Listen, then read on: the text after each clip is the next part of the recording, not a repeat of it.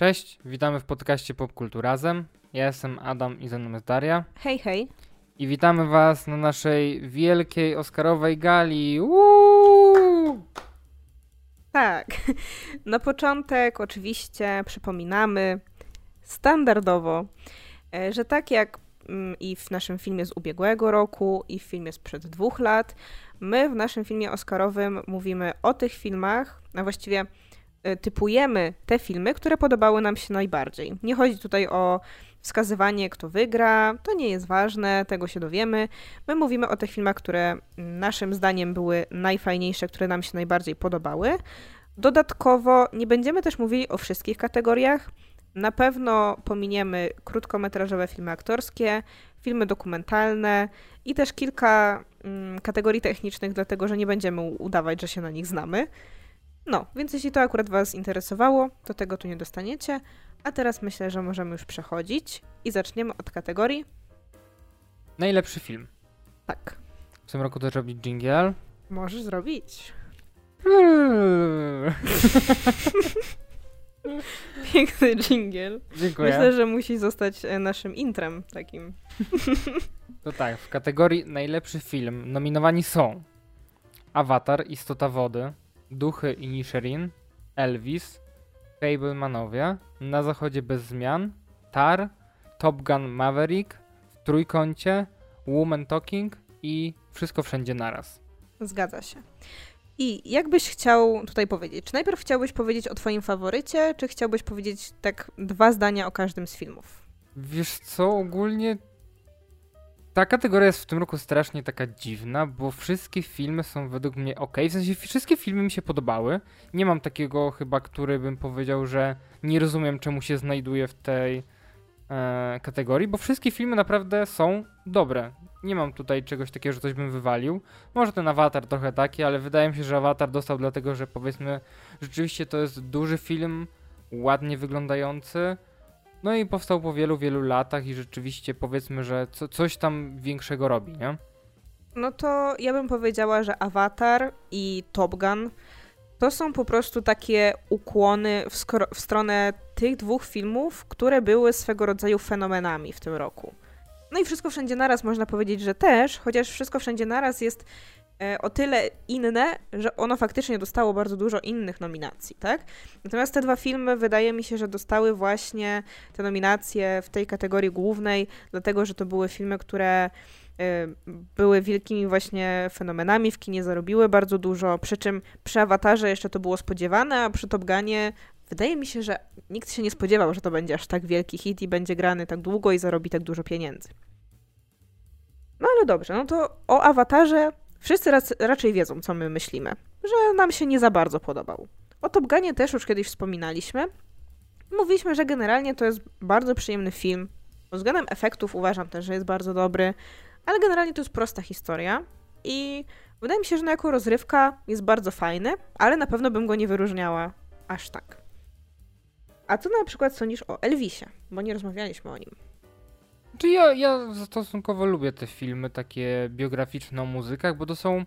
Mm, ja lubię trochę z innego powodu. Lubię z takiego powodu, że rzeczywiście one przypominają o tych gwiazdach, które kiedyś były znane, przez co ja na przykład osobiście bardzo przez to lubię sobie wracać do tej muzyki. Na przykład po Bohemian Rhapsody wróciłem sobie do Queen, e, czyli wróciłem. Jakoś też nie byłem wielkim fanem. Wiele piosenek byłem w ogóle zdziwionych, że są ich na przykład, a gdzieś tam je słyszałem po Rocketmanie Eltona Johna zacząłem trochę słuchać. No i wydaje mi się, że z Elvisem mam podobnie, że po tym filmie po prostu ta, ta postać została mi przybliżona.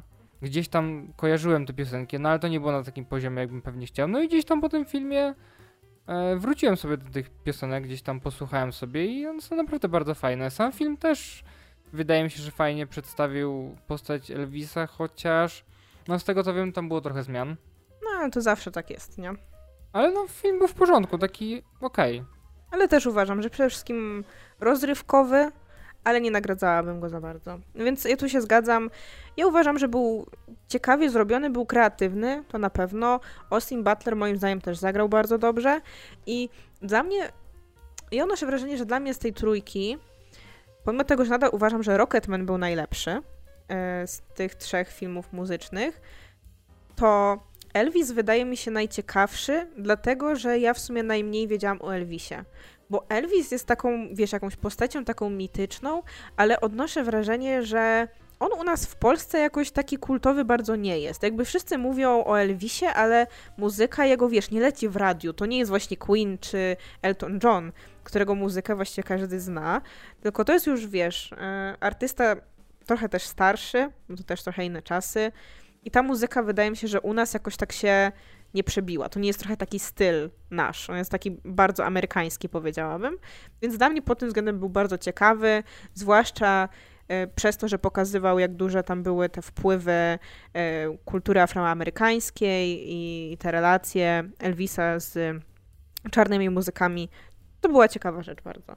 Ale no, znów, to nie, nie na Oscara w kategorii najlepszy film. Dalej. Na zachodzie bez zmian. No to jest w ogóle nie mój typ filmu. Jakby, okej, okay, rozumiem, że film wojenny to przypomina te czasy, e, jak tam było kiedyś, jak, jak wygląda wojna, jak się traktowało ludzi w wojsku, tak? Jakby jakie mięso armatnie tak naprawdę to byli ci ludzie, którzy szli na wojnę. Nie wiem, nie przypadam po prostu z oglądaniem takich filmów. Rozumiem, że one są ważne, że one są potrzebne, ale no ja jakoś nie, nie czerpię żadnej przyjemności, czy, czy nie, to nie są filmy, na które, wiesz, chodzę i o, poszedłem na film wojenny. Okej, okay, obejrzałem, ale to nie jest w ogóle mój temat. No ja też nie jestem fanką kina wojennego, ale znów nie dziwi mnie to, że ten film jest, e, że zdobył tyle nominacji, bo po pierwsze jest bardzo dobrze technicznie zrobiony, po drugie jest na podstawie bardzo znanej książki, takiego już właściwie klasyka można powiedzieć. Mm, no ma przekaz przede wszystkim antywojenny, co wydaje mi się, że w obecnych czasach jest bardzo istotne, e, bo pokazuje właśnie tę bezsensowność wojny i to, jak szeregowi żołnierze są na nich wykorzystywani e, i, i traktowani właściwie jak mięso, podczas gdy e, ludzie na wyższych szczeblach mają high life i jest wszystko spoko. No i przede wszystkim jest to film niemiecki, który porusza temat niemiecki. A właśnie ciekawa rzecz jest taka, że adaptacji mm, tej książki właśnie, czyli Na Zachodzie bez zmian, znaczy to nie jest pierwsza jej adaptacja, były już dwie wcześniej, ale żadna właśnie nie była niemiecka. Więc wydaje mi się, że no zawsze się docenia sytuację, w której naród, który był agresorem, pewien sposób e, potrafi to pokazać. Znaczy ja jednej rzeczy nie rozumiem a propos na zachodzie bez zmian. Czemu on jest nominowany w kategorii najlepszy film? To jest dla mnie zawsze zagwostka. No rozumiem, że okej, okay, to był dobry film, ale no mamy tą kategorię najlepszy film nieanglojęzyczny, to czemu on nie ląduje tylko tam? Jakby to z góry zakłada, że on wygra jakby najlepszy nieanglojęzyczny, skoro jest nominowany w kategorii najlepszy film. Z jednej strony tak, ale z drugiej strony wiemy też, że na przykład animacje mogą trafić do kategorii najlepszy film i wtedy też możemy się domyślać, że wygrają w swojej kategorii, nie? Wiesz co, ale ja nie pamiętam, czy wtedy ta animacja jest nominowana też w najlepsza animacja. No wydaje mi się, że to logiczne, że będzie. No, a były już takie sytuacje, kiedy animacje też trafiały do tej głównej kategorii. W ostatnich latach nie, ale zdarzało się. Znaczy po prostu chodzi mi o to, że skoro jest kategoria nieanglojęzyczna, to czemu on trafia do głównej kategorii, skoro ma swoją kategorię? Jakby to jest mój problem największy, tak? Bo skoro ustalili jakieś zasady i chociaż mogliby się sami tego trzymać, nie? Z jednej strony tak, ale z drugiej strony wtedy możesz się tak zastanowić, na ile to jest fair w stosunku do filmów, które nie są po angielsku. No bo właściwie Teraz mówimy już, to nie jest kategoria film nieanglojęzyczny, tylko międzynarodowy. No i na przykład mamy Duchy i Nisherin, które są filmem irlandzkim, ale są po angielsku.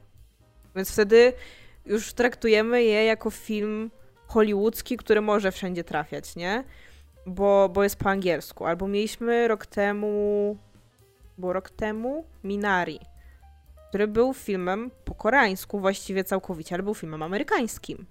Więc nagle już nie był filmem międzynarodowym. Więc to jest ogólnie problem z traktowaniem kina nieanglojęzycznego jako oddzielnej kategorii, moim zdaniem. Ja uważam, że to jest fajna kategoria pod względem takim, że każdy kraj może zgłosić swojego kandydata i każdego roku możemy dzięki temu poznać te kilka filmów z bardzo różnych stron świata, bo w ten sposób jakby jeśli coś trafia na listę nominowanych, to wiadomo, że zachęca ludzi do oglądania, daje sygnał dystrybutorom, żeby puszczać ten film w różnych krajach. Mm, więc pod tym względem to jest ciekawe, ale no można byłoby się zastanowić, na ile fajnym pomysłem jest traktowanie filmu, który nie jest po angielsku, jako jakby oddzielna kategoria w ogóle, nie? Więc ja widzę jej plusy, ale uważam też, że to jest trochę takie problematyczne i dziwne. No kumam, kumam. Dalej ja bym powie... chciałbym wspomnieć o dwóch filmach naraz w sumie, bo one mam do nich takie podobne odczucia, do, do Tari, do Woman Talking.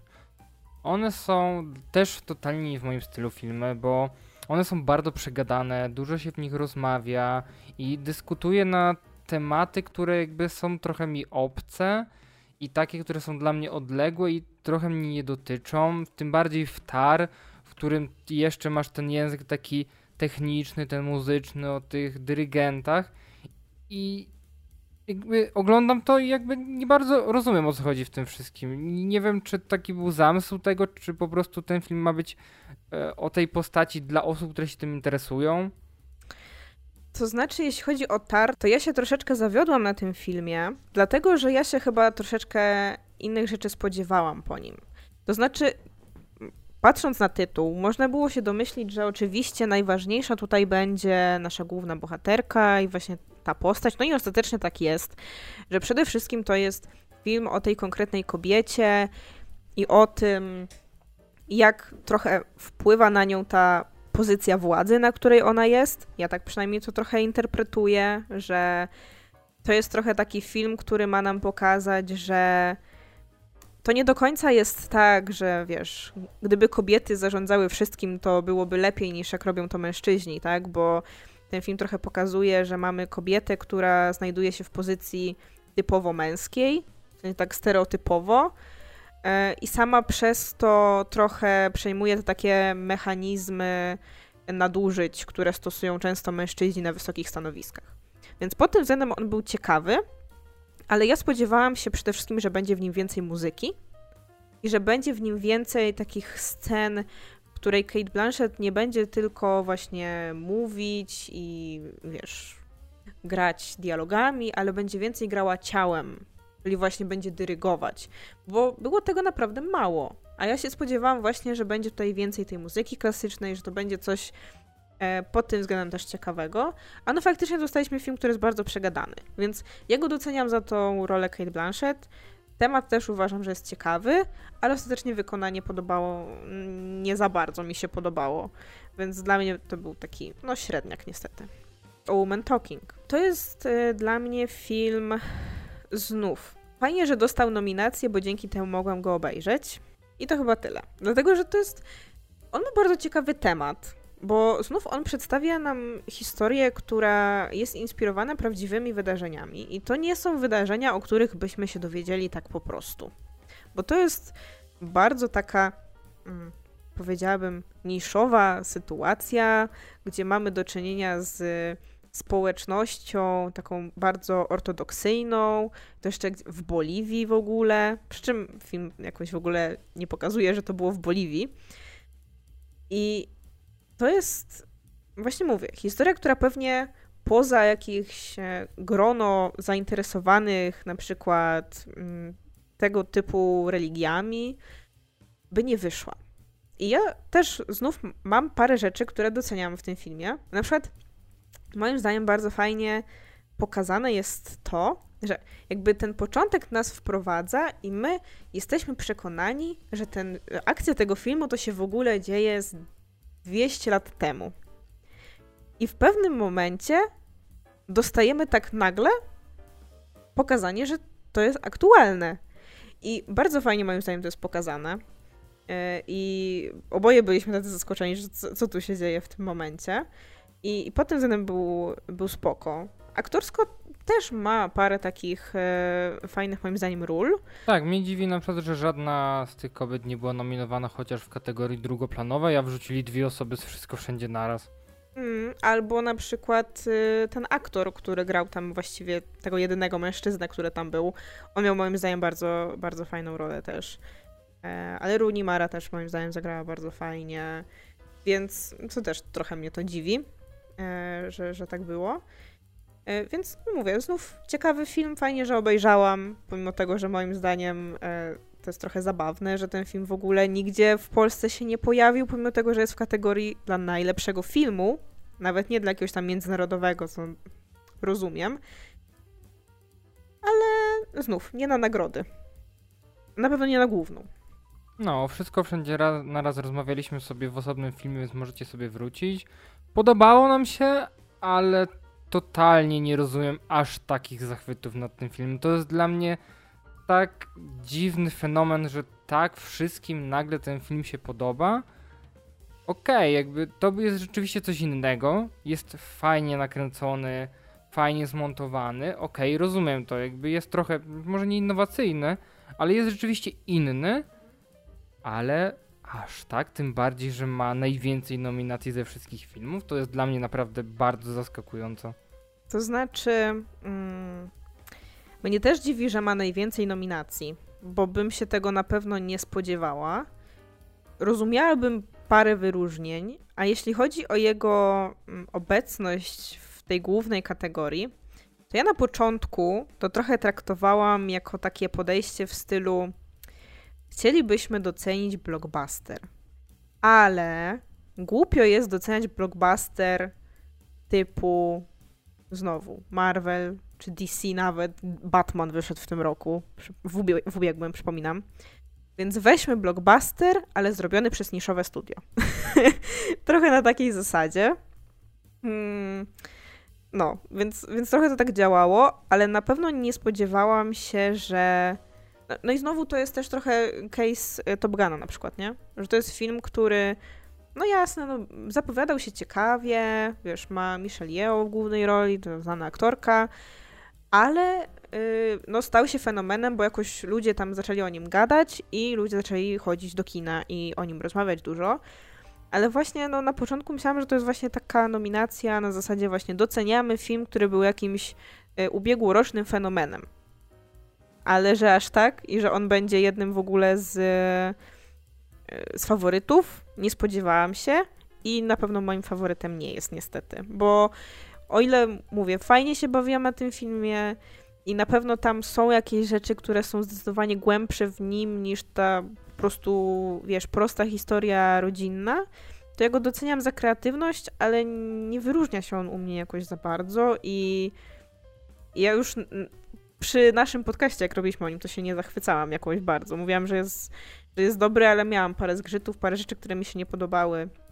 Do tej pory nie jestem w stanie przeżyć super zabawnej sceny z bitwą na dildosy, jakby nie wiem, co w tym śmiesznego.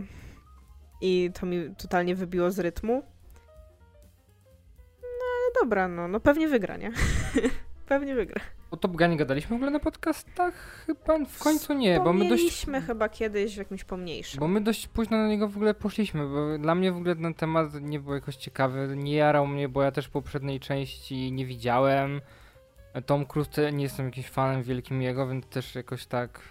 Ale ludzie zaczęli gadać, że jest super, był kasowym sukcesem, więc poszliśmy. No był dobry, rzeczywiście gdzieś tam technicznie jest zrobiony bardzo fajnie. No ale znowu, to jest taki blockbuster, nie? Jakby on nie jest jakiś, jakby przyjemnie się go ogląda, ale znowu, to jest po prostu dobry film.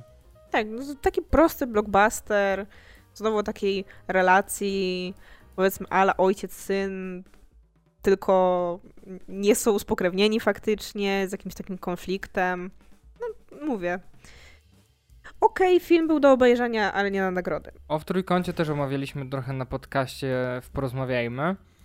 I też mówiliśmy o tym, że on jest ok do pewnego momentu. Ten trzeci akt jest taki trochę od, odcięty bardzo od całego filmu. I trochę za długi. I trochę za długi, ta scena z tym wymiotowaniem, nie wiem, nie, nie, nie rozumiem takich scen, jakby tym bardziej w tym filmie. Rozumiem pazerność i łapczywość tych ludzi, zrozumiałem, ale ta scena była zdecydowanie za długa. Znaczy ja ją rozumiałam właśnie jako pokazanie chaosu do, maksymalne, do maksymalnego poziomu e, właściwie podkręconego, i ona moim zdaniem by zdecydowanie lepiej wybrzmiała właśnie, gdyby ten film się skończył na drugim akcie. Tak? Jakby była ta scena, gdzie jest ogromna, ogromna kulminacja, potem jest puf i koniec. I wtedy myślę, że ten film zdecydowanie bardziej by mi się podobał. Może ta, wiadomo, jakaś puenta by nie wybrzmiała przez to, bo pewne rzeczy były rozwinięte później, zwłaszcza z tego pierwszego aktu, gdzie się skupialiśmy na tej parze. Ale właśnie miałam tak, że miałam taki duż, duże emocje, a potem taki spadek i on trwał i trwał i trwał. I to był ten problem. I ja nadal uważam, że The Square jest zdecydowanie lepszym filmem Ostlunda, ale tu no, on już wtedy był jakoś tam doceniony, nie? Ale myślę, że jak już zrobił kolejny podobny film, bo on robi podobne filmy, robi satyry na bogatych, tak? Więc już stwierdzili, że go docenią przy kolejnym razie. E, ale no ja uważam, że The Square był lepszy, był ciekawszy, chociaż no wiadomo, że miał znów bardziej niszowy temat, bo się skupiał nie na bogaczach ogólnie, tylko na konkretnie środowisku związanym ze sztuką współczesną, więc to takie trochę bardziej niszowe, trochę tar już, nie? E, no. Ale ja znowu w trójkącie porównałabym do umieszczenia rok temu Nie patrz w górę bo to jest bardzo podobny temat. O Fableman chyba mam w ogóle praktycznie nic do powiedzenia. Obejrzałem ten film, był spoko i nie mam nic do powiedzenia, serio. Jakby to jest jeden z tych filmów, które są na bardzo dla mnie takie neutralne, że on nawet nie jest taki, że coś mi się w nim nie podobało, że temat mi nie podszedł, on po prostu jest dla mnie. Mhm. To znaczy, ja nie mam, nie odczułam żadnego zachwytu Fablemanami, ale zdecydowanie Fablemanowie to jest dla mnie taki film, który jest dużym zaskoczeniem. Dlatego, że widzieliśmy niejednokrotnie jego zwiastuny w kinie i ja to traktowałam jako takie, no, że to pewnie będzie takie nudziarska, typowa oscarówka, która zawsze jakaś jedna tam się musi znaleźć w tej głównej kategorii.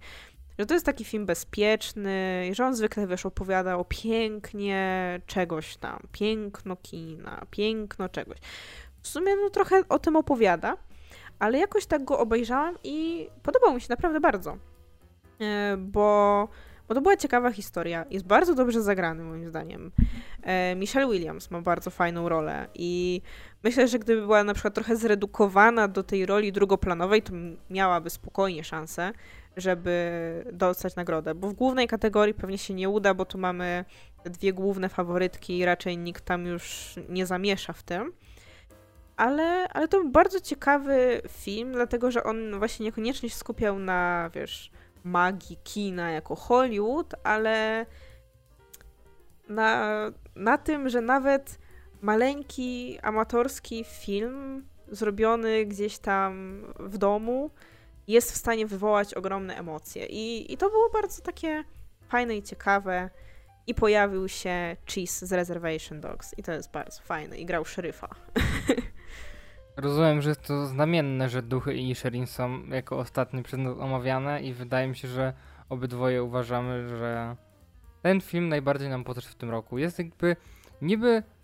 I to jest właśnie jeden z tych filmów, które dziwi mnie, że dostał nominację i wydaje mi się, że może być sporym zaskoczeniem, bo ja bym go trochę porównał z nominacją do Green Booka.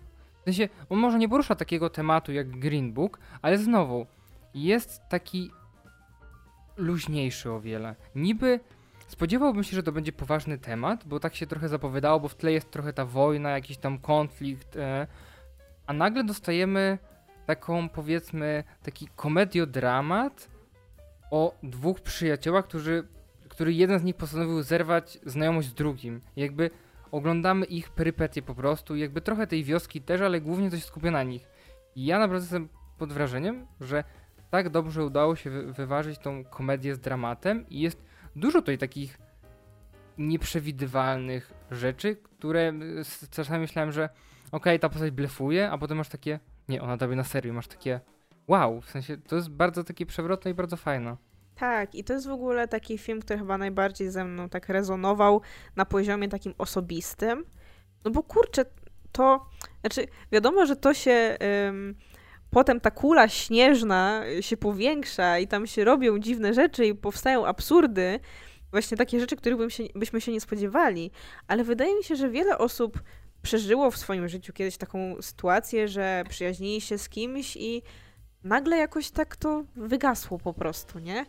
I do mnie to tak strasznie uderzyło, zwłaszcza, że moim zdaniem rola Colina Farela jest świetna w tym filmie. I ja w ogóle podziwiam Colina Farela za to, że on w ubiegłym roku zagrał w trzech filmach, zagrał tak różne role i wszystkie były bardzo dobre. Prawda? Bo widzieliśmy go w Batmanie jako pingwina, tutaj i jeszcze w After Young. Chociaż to jest akurat ten naj, najmniejszy ten film, ale tam też była bardzo fajna rola. I jego postać to jest. Ona mi tak po prostu łamała serce. Jego przyjaźń z osiołkiem, jego relacja z siostrą, to, że on jest takim po prostu dobrym duchem, takim strasznie prostym człowiekiem, który po prostu chciałby być miły, a z drugiej strony inni go postrzegają jakie, jako jakiegoś takiego wsiowego głupka. Nie wiem, ta była dla mnie prześwietna i naprawdę ten film mega na mnie zadziałał. Ale ja mam też po prostu chyba jakąś, nie wiem, słabość do kina irlandzkiego. Może tak być, nie? Ale super. No i Barry Keon w nim gra, a zawsze jak Barry Keon gra w jakimś filmie, to jest plus jeden u mnie, bo ja uwielbiam tego aktora. Nie wiem, dla mnie duet Colin Farrell i Barry Keon w jednym filmie zawsze... Piękna rzecz. Wspaniałe. Dla mnie to zawsze taki red flag, nie? nie? Nie będzie mi się podobało, a tutaj było zaskoczenie. Wspaniałe, no. Ale mówię, Colin Farrell tutaj miód. Świetna rola. To jest mój ulubiony film, naprawdę. Oglądaliśmy go już w tym roku. Na początku stycznia ja powiedziałam, że to jest mój ulubiony film 2023. Tak, zgadzam się. To też uważam, że w tej kategorii ten mi się najbardziej podobał, chociaż zakładam, że może wygrać wszystko wszędzie. Nawet chociaż bym się nie zdziwił, bo ten Green Book też był wtedy zaskoczeniem, że wygrał. O, nie pamiętam z kim on wtedy rywalizował w sumie. Ja też nie, ale pamiętam, że był dużym zaskoczeniem. Ja się nie spodziewałem, że on wygra wtedy. No ja bardzo trzymam kciuki, bo to jest piękny film, piękny film o przyjaźni. No dobrze, to teraz przejdźmy do kolejnej kategorii, czyli najlepszy aktor pierwszoplanowy. I w tej kategorii mamy nominowanych Paul Mescal za After Sun, Austin Butler za Elvisa, Brendan Fraser za Wieloryba, Colin Farrell za Duchy Inisherin i Bill Nye za Living. Tego ostatniego filmu nie widzieliśmy w ogóle, więc nie wypowiemy się. No jakby, jakby tutaj trochę zawsze się śmieję z Akademii, że oni obejrzą jeden film i później wszyscy, ten film dostaje wszystkie nominacje i zgarnia wszystkie nagrody. I ja tutaj pójdę trochę tropem e, Akademii i uważam, że z tych aktorów naj, najfajniej zagrał, mimo mojej tutaj e, sympatii do Brendana Frasera, wielki powrót na duży ekran, tak, po dużych problemach w Hollywood związanych z jego osobą. E, dużo tam się działo, szkoda faceta naprawdę. Fajnie, że wrócił naprawdę do bardzo fajnej roli. Wydaje mi się, że mogą go za to nagrodzić. Chociaż tutaj jest bardzo duża konkurencja, masz i Ostina Butlera, który grał Elvisa. tak, więc tutaj też y, widać, że Akademia lubi nagradzać takie osoby, ale dla mnie ja jakoś za bardzo nie połam sympatią do Colina Farela, ale naprawdę w tej roli mnie mocno zaskoczył i właśnie ja go nie kojarzę w ogóle z takich bardziej komediowych ról, a tutaj rzeczywiście tak e, bardzo fajnie zagrał i właśnie takiego trochę zagubionego, tak jak mówiłaś, e, wiejskiego głupka i naprawdę mnie przekonał, że on taki jest. No, jest wiejskim głupkiem. Colin Farrell mi się kojarzy głównie z rolami takich zabijaków. Takich trochę, wiesz, takich cwaniaczków. Że jak na przykład w... jak się nazywał ten film? Gentlemani? Nie. Tak, grał w Gentleman. Tak. No to właśnie z takimi rolami mi się kojarzy. Właśnie z jakimiś takimi irlandzkimi zabijakami. E, a właśnie ostatnio pokazuje, że, że jest też fajnym aktorem dramatycznym. I ja też bym mu dała nagrodę, ale problem jest taki, że my obejrzeliśmy cztery z tych filmów i ja bym nagrodę dała każdemu, bo każdy moim zdaniem naprawdę stworzył bardzo fajną rolę. I tak jak mówiłam, Colin Farrell jest złotem w tym filmie. Brendan Fraser, no on niesie tego wieloryba na swoich barkach tak naprawdę, bo no ten film jest taki sobie. On jest... E, nie wiem, on mi się nie spodobał jakoś za bardzo. Ja uważam, że był w porządku, ale no to jest Aronowski. Aronowski lubi te swoje tam biblijne nawiązania, yy, tą religię tam gdzieś wrzucać. On lubi zrobić jakąś niesubtelną rzecz na końcu i takie rzeczy, więc No, ale Brandon Fraser naprawdę bardzo dobrze tutaj gra, no i on jest największym takim highlightem tego filmu. Największym. Dosłownie. Yy, więc jeżeli wygra, będę się bardzo cieszyć. Jeżeli wygra Colin Farrell, będę się bardzo cieszyć. Jeżeli wygra Austin Butler, również będę się bardzo cieszyć, bo uważam, że to była bardzo wymagająca rola. Yy, on też śpiewał, prawda, w tym filmie? Tak jak... Yy... Wiesz, że nie zweryfikowałem tego, czy to on śpiewał, czy podkładali. Wydaje mi się, że on śpiewał. Że podobnie było jak, jak w Rocketmanie, że tutaj się aktor postarał. E, znamy też oczywiście wszyscy historię o tym, jak to przez kolejne pół roku Austin Butler cały czas mówił z akcentem Elvisa. Więc ja też uważam, że to była bardzo dobra rola. Była wymagająca, ale była taka przyciągająca wzrok.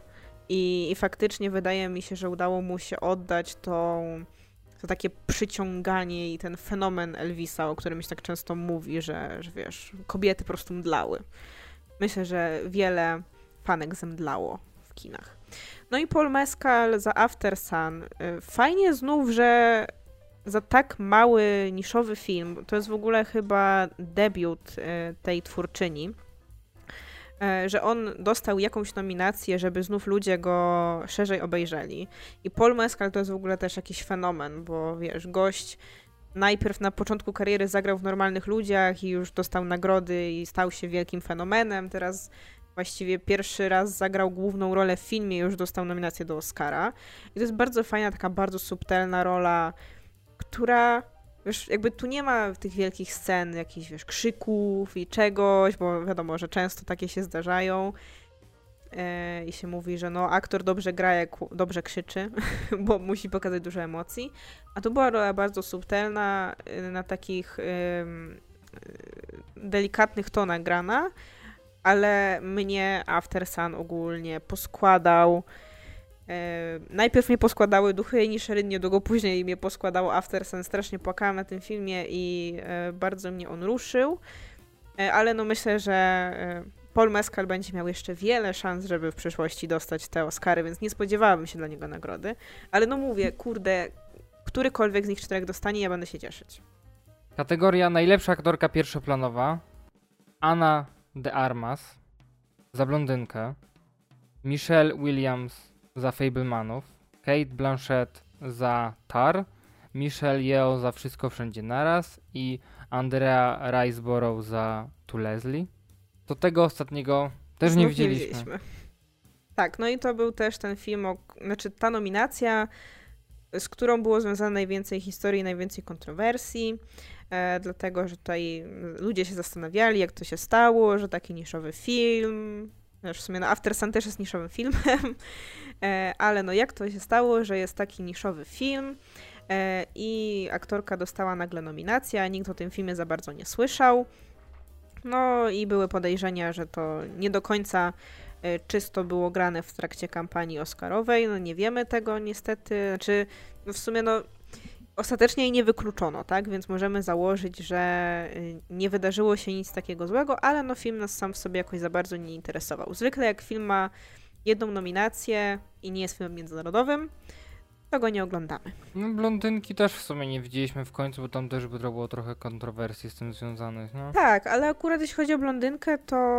Yy to było, jakby mogliśmy ją obejrzeć. No jest na Netflixie, tak? Ale ja po prostu zdecydowałam, że nie chcę tego filmu oglądać, dlatego że słyszałam o nim e, dużo rzeczy i generalnie ja uważam trochę, że robienie filmu, który wykorzystuje postać prawdziwą i to już nieżyjącą, a jednocześnie y, tworzy jej fikcyjną historię w sumie średnio zaznaczając, że to jest fikcyjna historia, no bo jasne, można powiedzieć, że to jest na podstawie książki takiej i takiej, ale tam no nie piszą, że to jest książka fabularna, tak? Bo znów, to była książka fabularna, nie biografia. Więc ja uważam takie podejście za średnio etyczne, bo to jest znów, wiesz, wykorzystywanie jakiejś prawdziwej osoby do opowiedzenia jakiejś historii i to jeszcze takiej osoby jak e, Marilyn Monroe, która, jak no, doskonale chyba wszyscy wiedzą, była osobą, która nie była w Hollywood traktowana dobrze, była wiele razy traktowana przedmiotowo A tu w sumie znów takie trochę przedmiotowe traktowanie jej i to już po śmierci.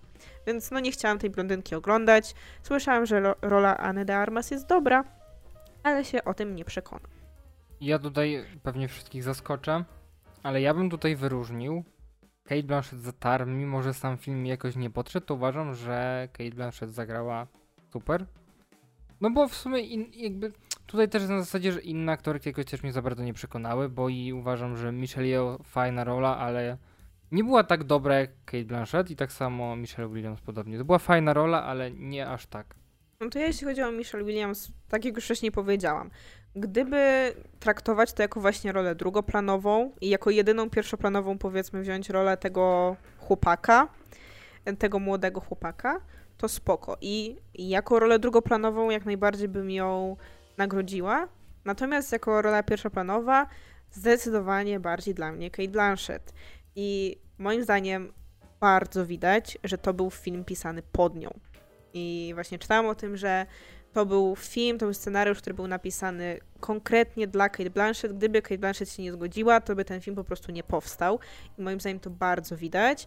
Ona mega pasuje do tej roli. Wygląda w ogóle mega w tych wszystkich strojach w tym filmie. Moim zdaniem to jest właśnie idealna rola pod nią i ona super ją zagrała, więc dla mnie to też jest najlepsza rzecz. Przy czym no, Michelle Yeoh też zagrała bardzo fajnie, ale oglądając ten film ja nie czułam, że to jest jakaś wybitna rola. Powiedziałabym nawet, że Michelle Williams byłaby dla mnie wyżej, chociaż no domyślam się, że wygra Michelle Yeoh. W ogóle, czy chcemy powiedzieć o, o tym, tej dziwnej wpadce, która się wydarzyła? Możesz mówić, jak chcesz. No to było strasznie dziwne. Zakładam, że to nie sama aktorka wrzuciła, tylko jakiś tam sztab, który gdzieś tam obsługuje social media, ale jakby zastanawia mnie, w jakiej sytuacji to powstało, kto to w ogóle powiedział. To znaczy, to zostały wrzucone na Instagrama slajdy, na których były fragmenty artykułu. Więc to był artykuł napisany przez jakiegoś dziennikarza czy dziennikarkę i gdzieś tam opublikowany i po prostu zostały zrobione z niego screeny. Tam, to była karuzela, tam było chyba 9 tych screenów i on został po prostu przeklejony.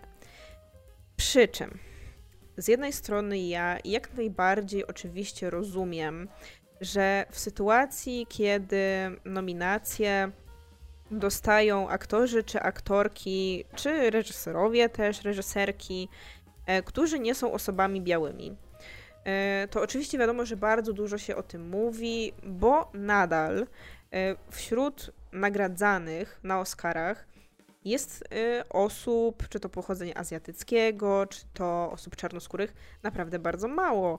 I no, biorąc pod uwagę, ile lat te nagrody są rozdawane, no to naprawdę no, wygląda to źle, tak? że no, nie było przez 90 lat dobrego aktora, który by był czarny. No oczywiście wiadomo, że byli, tak? A żyjemy już w takich czasach, gdzie, gdzie wiadomo, że mówi się o tym głośno. Więc ja nie uważam, żeby złym było mówienie y, na ten temat i, i twierdzenie, że oczywiście tak, jeśli aktorka pochodzenia azjatyckiego, tak jak y, Michelle Yeoh, zdobędzie Oscara, to oczywiście, że będzie to dla niej ogromna szansa, że będzie to duże znaczenie dla reprezentacji dla innych azjatyckich aktorów. Oczywiście, ale uważam, że Fajnie, jeśli ona mówi o tym po prostu gdzieś tam w wywiadach, jeśli piszą o tym dziennikarze, ale jeżeli ktoś w momencie, kiedy kończy się głosowanie Oscarowe, wrzuca coś takiego, to dla mnie to trochę wygląda jak teraz stwierdzenie: proszę na mnie zagłosować, bo to będzie ważne. I, i to jest dla mnie też trochę dziwne, no nie? Na zasadzie, że przychodzę, y, proszę na mnie zagłosować, bo to jest ważne. Plus y, na jednym właśnie z tych slajdów był fragment, który już w ogóle był no, największym zgrzytem, dlatego że no, już w przypadku właśnie tej aktorki nominowanej za rolę w Tulezli pojawiły się y, informacje o tym, że zakazanym w, w trakcie mm, promocji siebie jako osoby, która może dostać Oscara, nie można wspominać innych aktorów, którzy są albo mogą zostać nominowani. a tam pojawia się fragment, który mówi o tym, że Kate Blanchett ma już dwa Oscary, więc generalnie po co jej trzeci? I e, to jest też trochę dziwne, dlatego że to nie jest tekst, który właśnie mówi, że rola Michelle Yeoh była wybitna, tylko mówi, że Kate Blanchett ma już dwa Oscary, to po co jej trzeci? I po pierwsze, że to tworzy ten sztuczny konflikt jakiś między Kate Blanchett a Michelle Yeoh, który nie istnieje w prawdziwym życiu, a po drugie jest po prostu trochę też niesmaczny, nie? Bo nie wiem, o ile, wiesz, sam dziennikarz to napisał, to spoko, ale jeśli ktoś z PR-u stwierdził, że wrzuci to, to wygląda trochę jak branie na litość, nie? Wiesz, wiadomo, że to było wrzucone już chyba w ostatnim dniu, kiedy były e, zbierane głosy, więc słyszałam, że wszyscy, którzy mieli zagłosować, to już właściwie zagłosowali, więc za dużo to nie zmieni. Ale tak czy siak, no uważam, że to była totalna wtopa ze strony tego jej zespołu PR-owego, bo znów jakby nie oceniam aktorki samej w sobie, no, więc trochę narobili takiego kwasu, nie?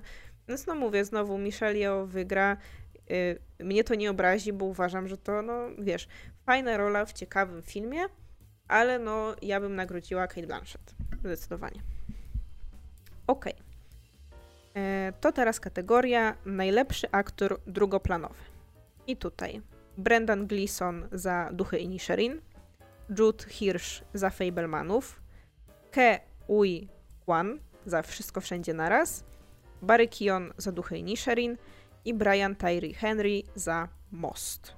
Ostatniego filmu nie widzieliśmy, bo miał tylko jedną nominację. Nie tylko dlatego, po prostu mnie ten film nie interesował. Ja nawet ogóle... nie wiem o czym on jest, więc trudno powiedzieć.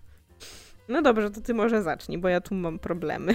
Ja też mam tutaj problemy, bo Zakładam, że wygra jednak aktor z Wszystko Wszędzie Naraz, bo to też jest trochę taki powrót po latach. On tam grał w tym Indianie Jonesie, potem to jest długo, piękna długo historia, nic, tak? Tak, a teraz powrót na powiedzmy ten duży ekran w Hollywood, więc zakładałbym, że nagrodzą jego. Była to fajna rola na pewno, ale czy aż tak nie wiem. I tutaj pójdę tropem znowu Akademii.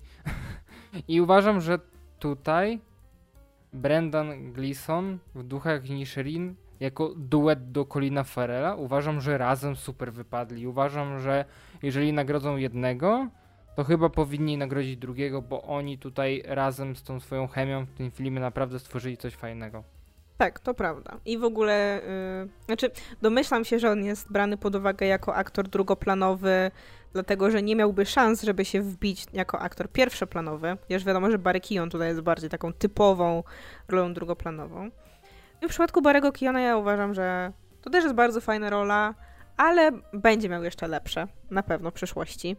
I miał na pewno lepsze, więc tutaj tak znowu mi dziwi, że wzięli dwóch Bo aktorów z jednego znowu, filmu. No tak, ale to jest znowu, wiesz, pierwszy taki duży film, w którym on zagrał. E, tak naprawdę powiedziałabym. No, był Green Knight, były tam inne rzeczy, ale to jest tak... Byli Eternals? Za Eternals miałby to... Ale to wszystko jest w ubiegłym roku. Bo okay. i Duchy i Nisherin i Eternals, i Batman tam, w którym się pojawił na chwilę. Ale no tak, tak naprawdę on się dopiero rozkręcał. Wcześniej grał głównie w takich no, dość niszowych filmach. Green, Green Knight był chyba najwie, największym wcześniej. Mm, więc Barry Keon jeszcze sobie na wygrywa w przyszłości, więc na spokojnie. Dobrze. Brendan Gleeson również uważam, że to jest bardzo fajna rola. Super i właśnie fajnie się dopełniają z Colinem Farrellem. A propos Juda Hirscha w Fablemanach, ja przed obejrzeniem tego filmu nie wiedziałam, że on jest nominowany, ale jak go oglądaliśmy i była ta scena, w której on miał tę rozmowę z tym chłopakiem, ja miałam takie wow, to jest totalnie taka typowa scena dla aktora drugoplanowego, który powinien zostać nominowany do Oscara i totalnie, wiesz, jakby już widzę, które fragmenty będą pokazywane, wiesz, w tym przykładzie zawsze, jak pokazują przy nominacjach. Więc no to byłaby taka najbardziej klasyczna nagroda, powiedziałabym. E, ale no ja tutaj jednak trzymam kciuki za Ke Uiwana, Kwana, przepraszam. I prawdopodobnie też wymawiam źle. Mm. Dlatego, że szczerze, jakbym miała wziąć jedną rolę, która mi się najbardziej wyróżniała we Wszystko Wszędzie Naraz, to będzie jego.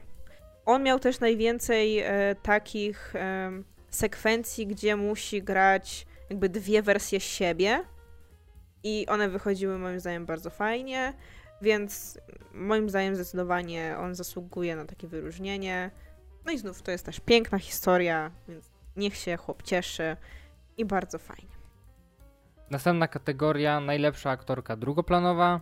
Tutaj mamy e, Angelę Bassett za Black Panthera Wakanda Forever, jest Kerry Condon za Duchy i Nisherin, jest Hong Chao za Wieloryba, Jamie Lee Curtis za Wszystko Wszędzie Naraz i Stephanie Hsu za Wszystko Wszędzie Naraz. I szczerze, ta kategoria chyba była dla mnie najtrudniejsza, bo żadna z tych ról jakoś wybitnie się nie wybiła. I Mm. na przykład dziwi mnie tutaj nominacja dla Jamie Lee Curtis za wszystko wszędzie naraz. To jest dla mnie najdziwniejsze, że okej, fajnie zagrała, ale nie rozumiem tego. Tak samo trochę nie rozumiem zachwytów nad Angelą Bassett w Black Pantherze. Okej, to była fajna rola i dużo osób ją chwaliło. Dla mnie nie. Była po prostu fajną postacią, ale nic więcej ponad to. Ale wiesz, znów miała tę scenę przemowy dłużej, a to jest znów, wiesz, taka klasyczna scena do nagrodzenia dla aktora drugoplanowego, więc rozumiem, jeśli ona dostanie tę nagrodę, zwłaszcza, że to jest jej ostatni film w MCU, tak, więc takie na zwieńczenie tej drogi, jeśli ją dostanie, moim zdaniem spoko, bo naprawdę ona tę królowę, królową, Boże, yy, gra naprawdę bardzo, bardzo fajnie. Jeśli chodzi o Kerry Condon, to ja wiedziałam, że ona już dostawała wcześniej jakieś nagrody za tę rolę, ale szczerze ona mi się aż tak bardzo nie wyróżniała. Zdecydowanie ten duet y, Gleason-Farrell po prostu błyszczy. Przyćmili resztę filmu. Barry Keoghan ma momenty i on powiedziałbym, że ma właśnie takie mocniejsze momenty, które można było wynagrodzić, a Kerry Condon ona fajnie wypadała w duecie z y, Farelem znowu, bo też się na swój sposób uzupełniali tym, że ona jest właśnie tą bardziej wykształconą, taką bardziej ogarniętą, em, taką stąpającą twardo po ziemi, a on jest tym takim lekko duchem, prostym człowiekiem. Ale nie wiem, nie wiem. Znów jakby dostała nagrodę fajnie. Jamie Lee Curtis nie rozumiem w ogóle. Y, Hong Chao to też była fajna rola, bo ona się bardzo fajnie uzupełniała właśnie z mm, Brendanem Fraserem, moim zdaniem. Y, oni fajnie wypadali w duecie i to były jedne z takich najmilszych w ogóle scen w tym filmie, gdzie oni się spotykali razem i rozmawiali ze sobą tak normalnie jak ludzie i skupialiśmy się na ich relacji. I to był moim zdaniem naj, najfajniejszy właśnie element tego filmu. Właśnie on się nie skupiał na tym, że nie wiem. Znaczy, no były te sceny, gdzie ona mówiła, że chłopie umierasz i coś tam, ale. Ale to mi się podobało. Więc. Nie wiem znów, czy dałabym jej nagrodę, ale uważam, że to jest fajna rola. Natomiast jeśli chodzi o Stefanii Hsu, to też jest ciekawa rola, na pewno bardzo charakterystyczna, ale czy na nagrody? Znaczy wiesz, ona musiała pokazać, że jest y, wszechstronna, bo wiesz, znów musiała grać wersję swoją taką spokojną, zwykłą i tę szaloną, więc to też jest y, na pewno spore wyzwanie, zwłaszcza dla młodej aktorki. Ale no, wiadomo jak to zwykle bywa z tymi młodymi aktorami, oni nie dostają nagród. Znaczy są wyjątki, tak? Ale zazwyczaj Tak, ale często nie. jest takie, że no oni jeszcze tam się nawygrywają i tak dalej. Więc ja uważam, że znów, podobnie jak w przypadku Paula Mescala, fajnie, że dostała nominację. To na pewno jej pomoże w przyszłej karierze, bo będzie już można wpisać, że y, tam y, award nomini, bla bla bla. Ale nie wiem, komu bym tutaj dała Ja wiem, ja nagrodę. może cię zaskoczę w tym wypadku, ale ja bym dał właśnie Hong Chao, bo uważam właśnie, że fajnie się uzupełniała z Brendanem Fraserem, tak jak mówiłaś, i ona miała sporo takich właśnie mocniejszych scen, jak gdzieś tam na niego krzyczała, później wracała i się o niego martwiła i chyba najbardziej mi dotknęła ta finałowa scena, jak ona dowiedziała się tej prawdy o tym, jakby co on przed nią ukrywał i jakby ta jej rozpacz i trochę taki no, zawiodła się na nim i to była taka fajna rola, jak ona wtedy wyszła. To była taka, tak, taka naprawdę bardzo, bardzo fajna scena zagrana i uważam, że z tego zestawienia jej rola była dla mnie najfajniejsza. Okej, no to ja nie zdziwię się, jeśli wygra ktoś z trio Condon, Chao, Bassett. I każda moim zdaniem będzie ok pod tym względem. No zakładam, że dostanie Bassett. Pewnie tak, ale nie mam jakiejś faworytki. Ale na pewno nie Jamie Lee Curtis. nie wiem, to jest dla mnie bardzo dziwna nominacja. Dobrze. Mm. to na chwilkę przechodzimy sobie do kategorii najlepszy reżyser. I tutaj Martin McDonough za Duchy Inisherin, Todd Field za Tar, duet Daniels za Wszystko Wszędzie Naraz, Steven Spielberg za Fablemanów i Ruben Ostlund za W Trójkącie. Ech, klasycznie bywa to tak, że ten, kto dostanie nagrodę za najlepszą reżyserię, dostaje za najlepszy film. Dlatego moim faworytem jest Martin McDonough. O, to mnie zaskoczyłaś. No nie, no jeśli zrobił najlepszy film, no to jest najlepszym reżyserem, no. No nie, bo ja uważam, że akurat reżysersko najlepiej wypada w tym zestawieniu wszystko wszędzie naraz, bo tam jest dużo takich właśnie zabaw. Tutaj też jest dużo montażu, więc tutaj można by też podmieć sporo pod montaż, ale reżysersko jakby gdzieś tam poprowadzenie tych aktorów, tym bardziej jak mówiliśmy o tym, że jest tutaj dużo wersji, to naprawdę wszystko fajnie spieli w naprawdę bardzo fajny film i uważam, że oni zasługują z tych wszystkich najbardziej na nagrodę. Okej. Okay. No ja strzelam, że będzie tak, że albo właśnie wygra McDonough i Duchy, albo oni i Wszystko Wszędzie Naraz w tych dwóch kategoriach. Ale strzelam, że to będzie Wszystko Wszędzie Naraz. Kolejna kategoria, najlepszy scenariusz oryginalny. Mamy Duchy i Nisherin, Fablemanowie, Tar, W Trójkącie i Wszystko Wszędzie Naraz. Duchy i Nisherin. Tak, też uważam, że duchy Nisherin w tym wypadku. Jakby to już to, co mówiłem przez cały tutaj materiał, o tej chemii między bohaterami, o tym, jak oni są napisani, masz tego Colina Farela i jakby ta przewrotność trochę tego scenariusza, to co się dzieje podczas tego wszystkiego, ich te wszystkie rozmowy w barze, jak on do niego tam przychodzi, próbuje go namówić do tego, żeby poszedł, on nie chce. Ale dialogi są tak super w tym filmie. Tak, dialogi są bardzo fajnie napisane, to prawda, więc tutaj wydaje mi się, że jeżeli nie wygrają duchy Nishlin, to ja nie wiem. Tak, mogą, mogą nie wygrać za reżyserię, mogą nie wygrać za najlepszy film, ale za scenariusz, szanujmy się. Najlepszy scenariusz adaptowany. Glass Onion, Na zachodzie bez zmian, Woman Talking, Living i Top Gun Maverick. I od razu mówię, to jest kategoria, o której w tym roku dowiedzieliśmy się, że wystarczy być sequelem, żeby być adaptacją. Tak, bo zastanawialiśmy się, dlaczego na przykład Glazonian czy Top Gun Maverick są w scenariusz adaptowany, skoro nie są adaptacją żadnej książki, komiksu czy czegokolwiek innego. I to nas zaskoczyło i ja trochę poszperałem i okazało się, że po prostu wystarczy być sequelem. No i tutaj ja mam znowu problem. Ale nie dlatego, że mam bardzo wielu faworytów i jak kilku wygra, to będzie spoko. Ale dlatego, że po prostu nie mam faworyta. Strzelam, że wygra na zachodzie bez zmian. E, wydaje mi się to najbardziej e, taki mm, oczywisty wybór, aczkolwiek, no znów, trudno jest mówić, e, czy to o Na Zachodzie Bez Zmian, czy o Woman Talking nam, dlatego, że my nie znamy pierwowzorów książkowych. No, Top Guna też nie znamy poprzedniej części, więc... No tak, ale tam nam w tych wszystkich wstawkach pokazali, o co chodziło w tym pierwszym.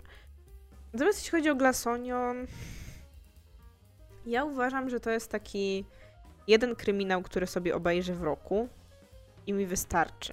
Bo ja nie lubię w ogóle tego gatunku, zwłaszcza jeśli to jest taki klasyczny kryminał w stylu przychodzi ten detektyw z wąsikiem Poirot i on będzie rozwiązywał zagadkę i powie wszyscy jesteście parówkożercy, jak to w reklamie w kinie. Eee, nie jara mnie to zupełnie i ja też uważam, że odniosłam wrażenie, że Glass Onion miało, było takie za bardzo łopatologiczne w porównaniu do pierwszego filmu e, na noże, ale może nie pamiętam za dobrze na noże.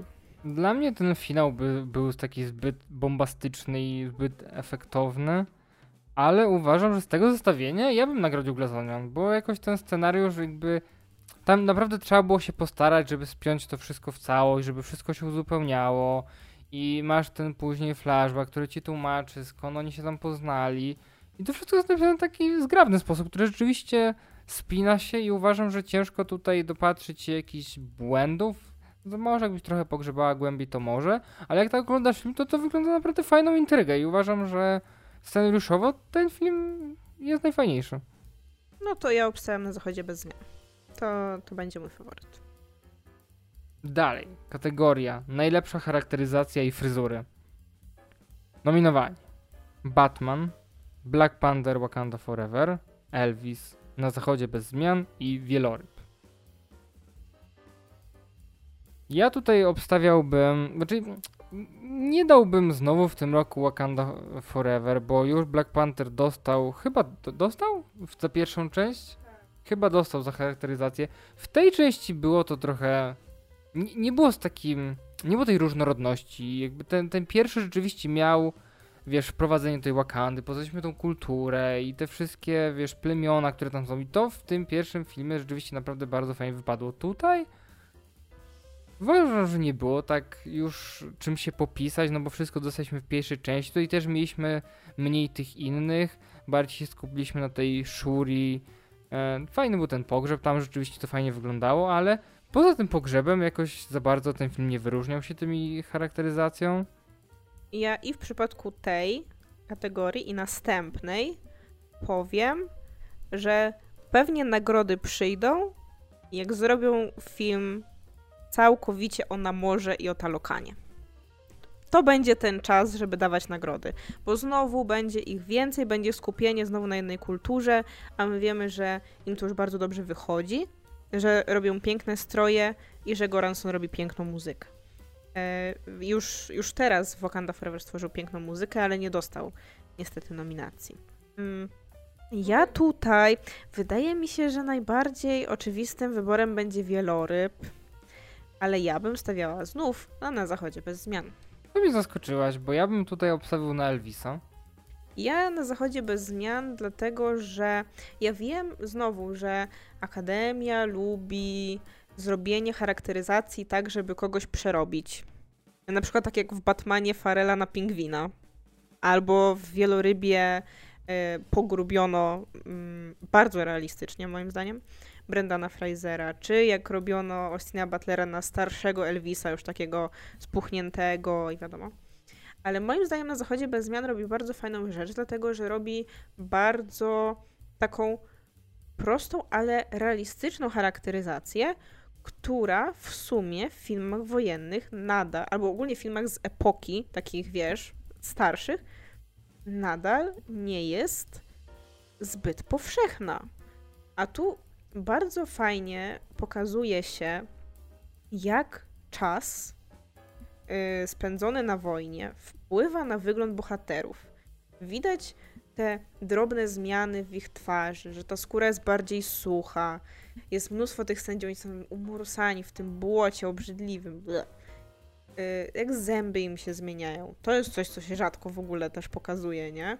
Że ludzie nie mają pięknych zębów przez cały czas. Więc to jest taka Y, znów subtelna charakteryzacja, ale moim zdaniem bardzo dobrze pokazująca pewien proces. Dlatego moim zdaniem ona była bardzo, bardzo dobra. Więc ja bym nagrodziła na zachodzie bez No ja właśnie nagrodziłbym Elvisa za to, że po pierwsze Elvis jest bardzo charakterystyczny. I on miał tą swoją taką fryzurkę i tak jak mówiłaś później na starość, jak on jest taki bardziej pulchny. I to rzeczywiście w tym filmie było bardzo fajnie oddane. I tutaj później też w kategorii innej kostiumów na przykład też bym go nagrodził, więc uważam, że tutaj oni bardzo fajnie się dopełnili też w tych dwóch kategoriach. Tak, no właśnie. Y, a nie, kostiumy to nie. Bo to jest charakteryzacja i fryzury. Tak, właśnie o tym mówię, że on miał tą taką fryzurkę swoją dość charakterystyczną. Ona do tej pory jest, jak mówisz, na Elvisa, nie? Jakby to już no wiadomo no, tak, o co tak. chodzi, nie? Mhm. I tutaj uważam, że Austin Butler bardzo fajnie miał ucharakteryzowany był na Elvisa. Następna kategoria. Najlepsza muzyka oryginalna. Nominowani to Babylon, Fablemanowie, Wszystko Wszędzie Naraz, Duchy i Nisherin, i na zachodzie bez zmian. To jest dla mnie kategoria zagadka. Nie wiem totalnie co wybrać. Ja byłem na, ja, ja byłem na Babilonie, ty nie byłaś. Nie wiem, co tam było oryginalną muzyką, tak szczerze. To jest dla mnie bardzo trudna kategoria, dlatego że jest tylko jeden film z tych wszystkich, w którym ja zapamiętałam muzykę. I to jest na zachodzie bez zmian. Natomiast bardzo dziwi mnie brak nominacji do Batmana. I powiedziałabym znów, że dziwi mnie brak nominacji dla Wakanda Forever bo ja sobie później też słuchałam e, tak po prostu tego, tej ścieżki dźwiękowej. I naprawdę ta muzyka dla Talokanu stworzona jest tak zarąbista, w sensie ma tak dużo takich bardzo charakterystycznych elementów, które widać jak nawiązują do kultury e, Majów, że to jest wow. Ale mówię, pewnie jak kiedyś już powstanie ten film o Talokanie, pewnie znowu Goranson dostanie okazję, żeby zrobić tam ścieżkę dźwiękową. I wtedy pewnie dostanie spokojnie nominację. Natomiast bardzo dziwi mnie brak Batmana, bo to była naprawdę taka ścieżka dźwiękowa, która mi siedzi w głowie do dzisiaj. A tutaj tak naprawdę mówię, ja pamiętam tylko na Zachodzie bez zmian. W sumie na Zachodzie bez zmian miało taki głównie jeden taki motyw, który się powtarzał w trochę pozmienianych wersjach, a moim zdaniem był bardzo dobry. Znaczy mi się wydaje, że Panasz na Zachodzie bez zmian, bo oglądaliśmy go całkiem niedawno.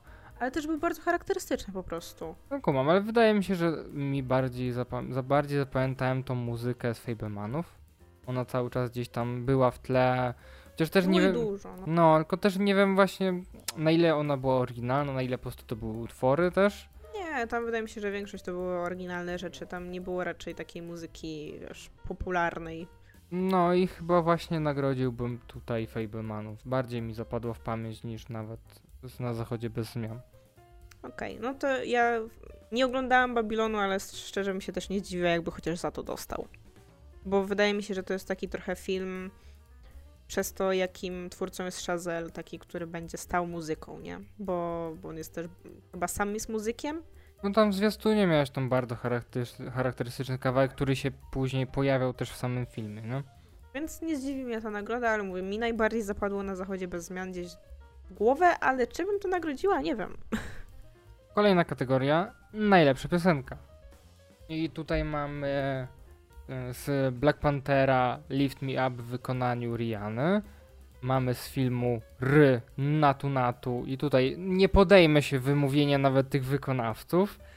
E, z filmu Tell It Like a Woman e, Aplauz wykonawca Sofia Carson. Z Top Gun Maverick Hold My Hand Lady Gagi i jest wszystko wszędzie naraz. This is Alive, Son Luke, Micki i David Byrne. Pewnie Bern, coś takiego. Przesłuchaliśmy sobie te piosenki chwilę przed podcastem, bo zazwyczaj tak robimy, bo one niby gdzieś tam się albo pojawiają w filmie, albo zazwyczaj jednak na tych napisach końcowych. E, I szczerze, nie zdziwię się jak wygra Lady Gaga za Top Guna, bo to jest naprawdę z tych, tych balladowych, które były tutaj, chyba najbardziej mi się podobała z tych wszystkich. Chociaż Rihanna w Black Pantherze też spoko, ale jednak dla mnie Lady Gaga jakoś tak bardziej wybrzmiała. Ale moim faworytem, ja jestem totalnie dziwka na takie piosenki, totalnie odklejone, dziwne, yy, niepasujące do niczego. Natu Natu z Ry jest totalnie w moim stylu ta piosenka. Ja bym ją słuchał na co dzień, naprawdę. Ona... Obejrzałem ją i teledysk, co tam się dzieje, jak oni tańczą. Znaczy, no co tam fragment się... filmu. Fragment filmu to jest. Okej, nie? Jak masz takie, wow, ja po tej piosence chciałbym obejrzeć ten film naprawdę i zobaczyć o co w nim chodzi. Ale kurde, bo to jest tak, że ten film, jak on wyszedł, bo on chyba jest gdzieś na Netflixie w ogóle, jak ten film wyszedł, to dużo ludzi o nim mówiło i mówiło, że jest bardzo fajny, ale mnie trochę przerażał właśnie, bo mi się bardzo kojarzył z Bollywood, a ja odnoszę wrażenie, że Bollywood to jest taki, ma taki styl, od którego ja bym się zupełnie odbiła. Bo, no bo jest taki mocno musicalowy, nie taki dramatyczny i tak dalej. E, Ale no właśnie widzieliśmy ten tylko fragment i potem zastanawiam się, o co w ogóle chodzi w tym filmie, bo to jakaś dziwna sytuacja się tam dzieje. Ale ja też mam taki problem, że pewnie jakbyśmy posłuchali tej piosenki bez tego tańca i tego wszystkiego, to ona by nie była aż taka ciekawa. Byłaby, ja lubię takie muzyki. No, takie muzyki, ale jak jednak widzisz tych pięknych wąsaczy, niczym z tureckich problemów, którzy tam wywijają po prostu zarąbiście synchronicznie, no to fajnie to wygląda i to jest coś kreatywnego i to jest jedyna rzecz, która się wyróżnia, bo kurde, wszystkie cztery pozostałe są ballady. I ta piosenka Lady Gagi, ja ją pamiętam z filmu, w sensie, że ona tam była pod koniec i ona jest fajna. Podobnie z piosenką Riany. Ona z tych wszystkich em, z tych wszystkich ballad wydaje mi się, że mi się najbardziej podobała, bo ma jakieś takie jest taka fajna melancholijna, nie? E, I, I czuję w niej coś takiego. I myślę, że Rihanna może dostać nagrodę przez to, że to jest znowu ten jej rok to jest taki trochę powrót. No nie, że tu była na Super Bowl, tutaj jakby dostała Oscara, a Lady Gaga już dostała, a jak wiemy, że jak się dostało, to wiesz. Piosenka z Wszystko Wszędzie Naraz wleciała, wyleciała. Piosenka Sophie Carson również. I ja w ogóle po obejrzeniu wspaniałego em, militarnego, propagandowego filmu Purpurowe Serca z nią w roli głównej, nie mogę po prostu przeżyć jej stylu śpiewania. Ona, nie wiem, śpiewa jakoś tak dziwnie przez nos i strasznie dramatycznie. Nie podoba mi się zupełnie e, jej głos, jej jakaś maniera, więc ja bym stawiała między Natu Natu a Rianą. Czyli wątpię, że Natu Natu wygra. Ja, ja stawiam jednak, czyli ja bym chciał, żeby Natu Natu, bo to było super, ale jednak chyba bardziej ta Lady Gaga, z tych balladowych Lady Gaga bardziej. Ale wiesz co ja wiem? Że już potwierdzono, że na gali będzie live występ Natu Natu. Więc warto oglądać galę. Dobrze. Kolejna kategoria to najlepsza scenografia. I tutaj nominowani to Avatar Istota Wody, Elvis, Na Zachodzie bez zmian, Babylon i Fablemanowie. Totalnie nie rozumiem nominacji za scenografię dla Awatara. W sensie, okej, rozumiem za efekty specjalne, bo to jest film komputerowy, ale na jakiej zasadzie oceniamy scenografię w filmie, który jest wygenerowany pewnie w, nie wiem, 90. komputerowo? Czy można efekt specjalny uznać za scenografię po prostu? Dla mnie scenografia to jest coś, co jest fizycznie na planie. No dla mnie właśnie przede wszystkim problem jest taki, może tu jest znów, wiesz, jakiś niuans, trochę jak przy scenariuszu adoptowanym, o którym my nie wiemy. Może rzeczywiście, wiesz, scenografia komputerowa też jest uznawana za scenografię, nie? Może tak być, ale no nawet jeśli tam była fizyczna scenografia, to przeciętny człowiek nie wie, która jest prawdziwa, a która nie. Strzelam, że bardzo mało tam było prawdziwe. I ja znowu mam tutaj problem.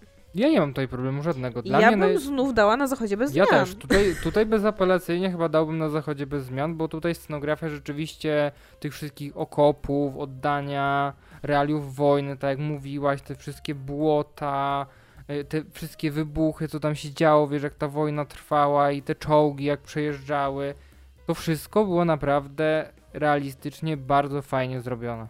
Tak, jakby dla mnie to jest w ogóle imponujące, że film europejski jest na tak wysokim poziomie pod względem technicznym, że on wygląda jak film hollywoodzki, nie? Ja nie wiem, jaki on miał e, budżet, bo wiadomo, że to jest film robiony też przez Netflixa, więc mógł mieć ten budżet duży, ale jestem naprawdę pod wrażeniem, więc ja jestem w stanie zrozumieć właśnie, dlaczego ten film ma aż tyle nominacji i dlaczego trafił też ostatecznie do tej głównej kategorii, bo tych nominacji nazbierał, bo on technicznie, on jest naprawdę świetnie zrobiony. On technicznie wygląda mega ładnie, w sensie widać, że tam było mnóstwo pracy w niego włożone i przez to, że jest Netflixa filmem, to było też wrzucone dużo pieniędzy na pewno na promocję. Bo wiadomo, że Netflix lubi sobie wypromować takie na zachodzie bez zmian, taką romę, wiesz, film, który jest właśnie nieanglojęzyczny i trafi do tej kategorii i dostanie dużo nominacji. Fajnie moim zdaniem, że inwestują w inne kraje niż Stany, nie? E, I to jest y, super opcja. Tym bardziej, że aktualnie nie mają za bardzo konkurencji. w sensie Jak kino dojdziemy? europejskie chodzi mi o, nie? Że no bo HBO się wycofało, no masz to Viaplay, trochę masz tego Netflixa, no ale czy coś tak bardziej? Sky Showtime? Nie wiem, czy to też jest takie amerykanocentryczne, nie? I jak dojdziemy do kategorii najlepszy film międzynarodowy, to może porozmawiamy sobie o pewnym konkurencie. Ale to za chwilę. Więc ja tutaj na zachodzie bez zmian bym e, zdecydowanie nagrodziła. Kolejna kategoria, najlepsze efekty specjalne, nominacje, Avatar Istota Wody. Chyba nie muszę dalej czytać, nie? nie ma sensu. Chyba nie ma sensu. Uważam, że tutaj Avatar Istota Wody pozamiatała w tym roku.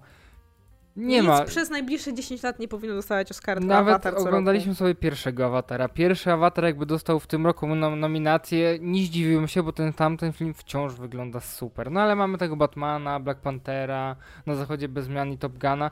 Top Gun tutaj bym dał bardziej jakieś efekty, chociaż to też są efekty specjalne, tak? Ale tutaj są efekty praktyczne. Ale nie wszystkie. Tam też było sporo komputerowych rzeczy, jakby to Tak. nie było wszystko tam latane. Tak, ale wydaje mi się, że tutaj pod względem CGI istota wody pozamiatała.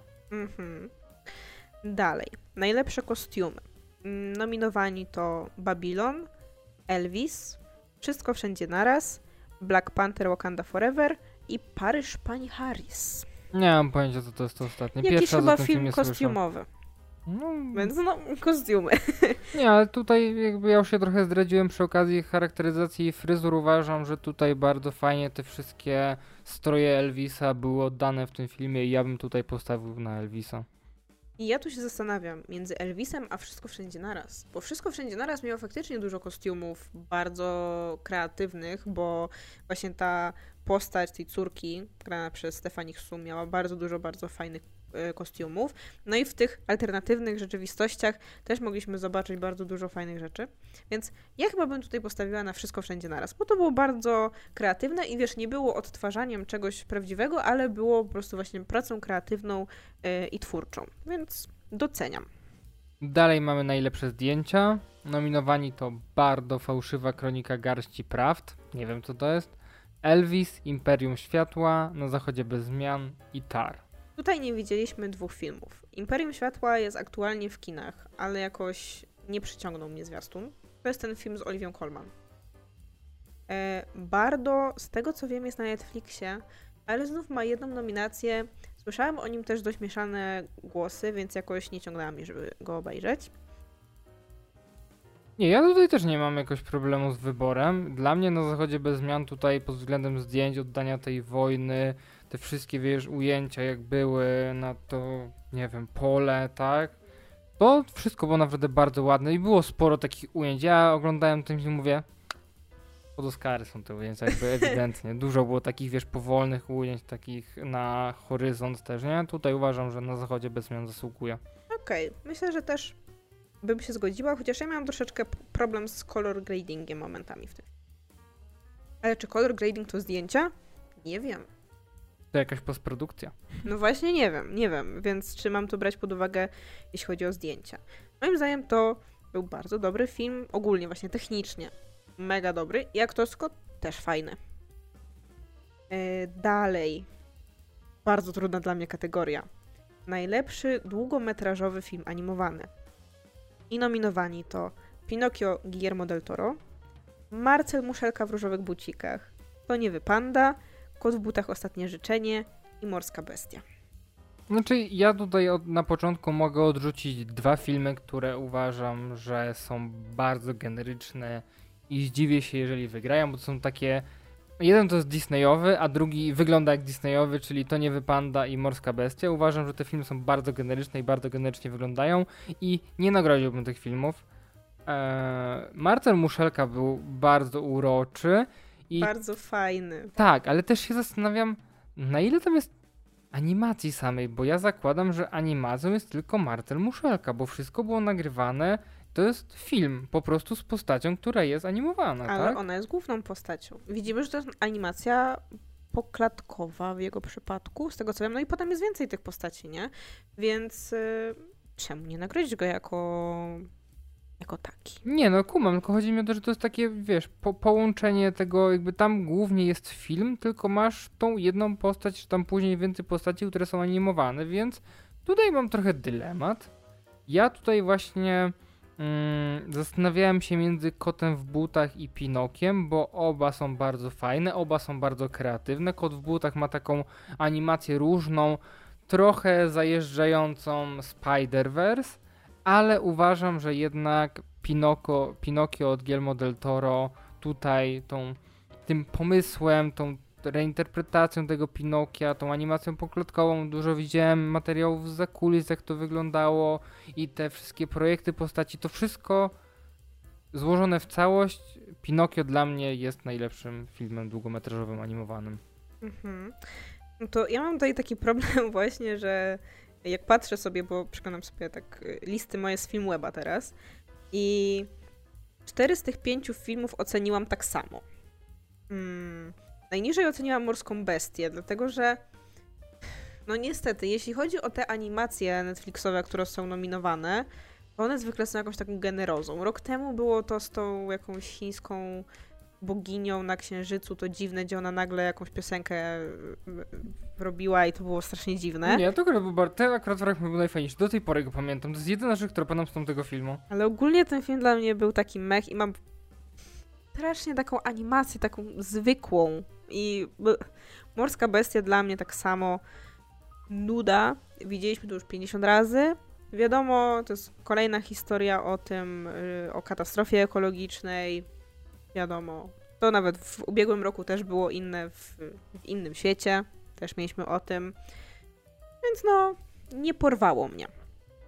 To nie wypanda, to jest bardzo fajny film e, o, o takim rzadko poruszanym w sumie przez Disneya temacie, nie? Bo tam wiadomo, mamy księżniczki, mamy jakieś takie troszkę abstrakcyjne rzeczy, albo mamy mniejsze dzieci, a tutaj mamy takie nastolatki na etapie, wiesz, fascynacji chłopakami pierwszymi i to też wzbudzało jakieś kontrowersje w ogóle z jakiegoś powodu, co było dla mnie turbo dziwne. I to jest moim zdaniem bardzo fajny film o dorastaniu, bardzo fajny film o relacji y, rodzica z dzieckiem i, i takich właśnie wymagających rodzicach.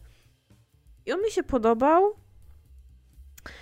ale Kot Butach wydaje mi się, że no nie wiem, Kot Butak był super, w sensie aż się zdziwiłam, że był taki dobry i ta animacja, właśnie ten styl animacji, który w nim wykorzystano z tymi y, zmianami w scenach walki i tak dalej, jest mega, bardzo pasuje właśnie do charakteru y, tej, tego filmu całego i postać tego wilka to jest w ogóle złoto największe.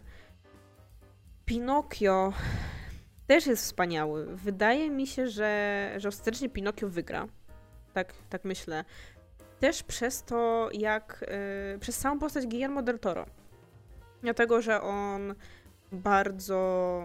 jest bardzo wokalną osobą, jeśli chodzi właśnie o animację. Ostatnio bardzo dużo mówi o tym, yy, jak wartościową formą sztuki są filmy animowane, o tym, że nie powinno się filmów animowanych sprowadzać tylko do prostych historii dla dzieci, żeby doceniać je na takim samym poziomie jak y, inne filmy, bo to po prostu inna technika.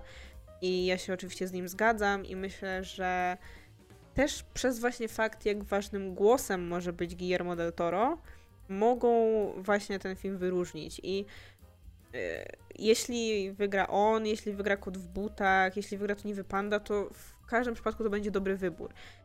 Nie, w to nie wypada, nie będzie dobry wybór, bo to jest coroczna nominacja dla Disneya i jeżeli znowu Disney wygra, to się wkurza. Ojej. Bo oni robią takie generyce, jakby to też jest dziwne, bo oni Akademia nie mówi za co nagradzamy animację, nie? Bo to jest no taka po prostu ogólna, najlepszy film, no. no.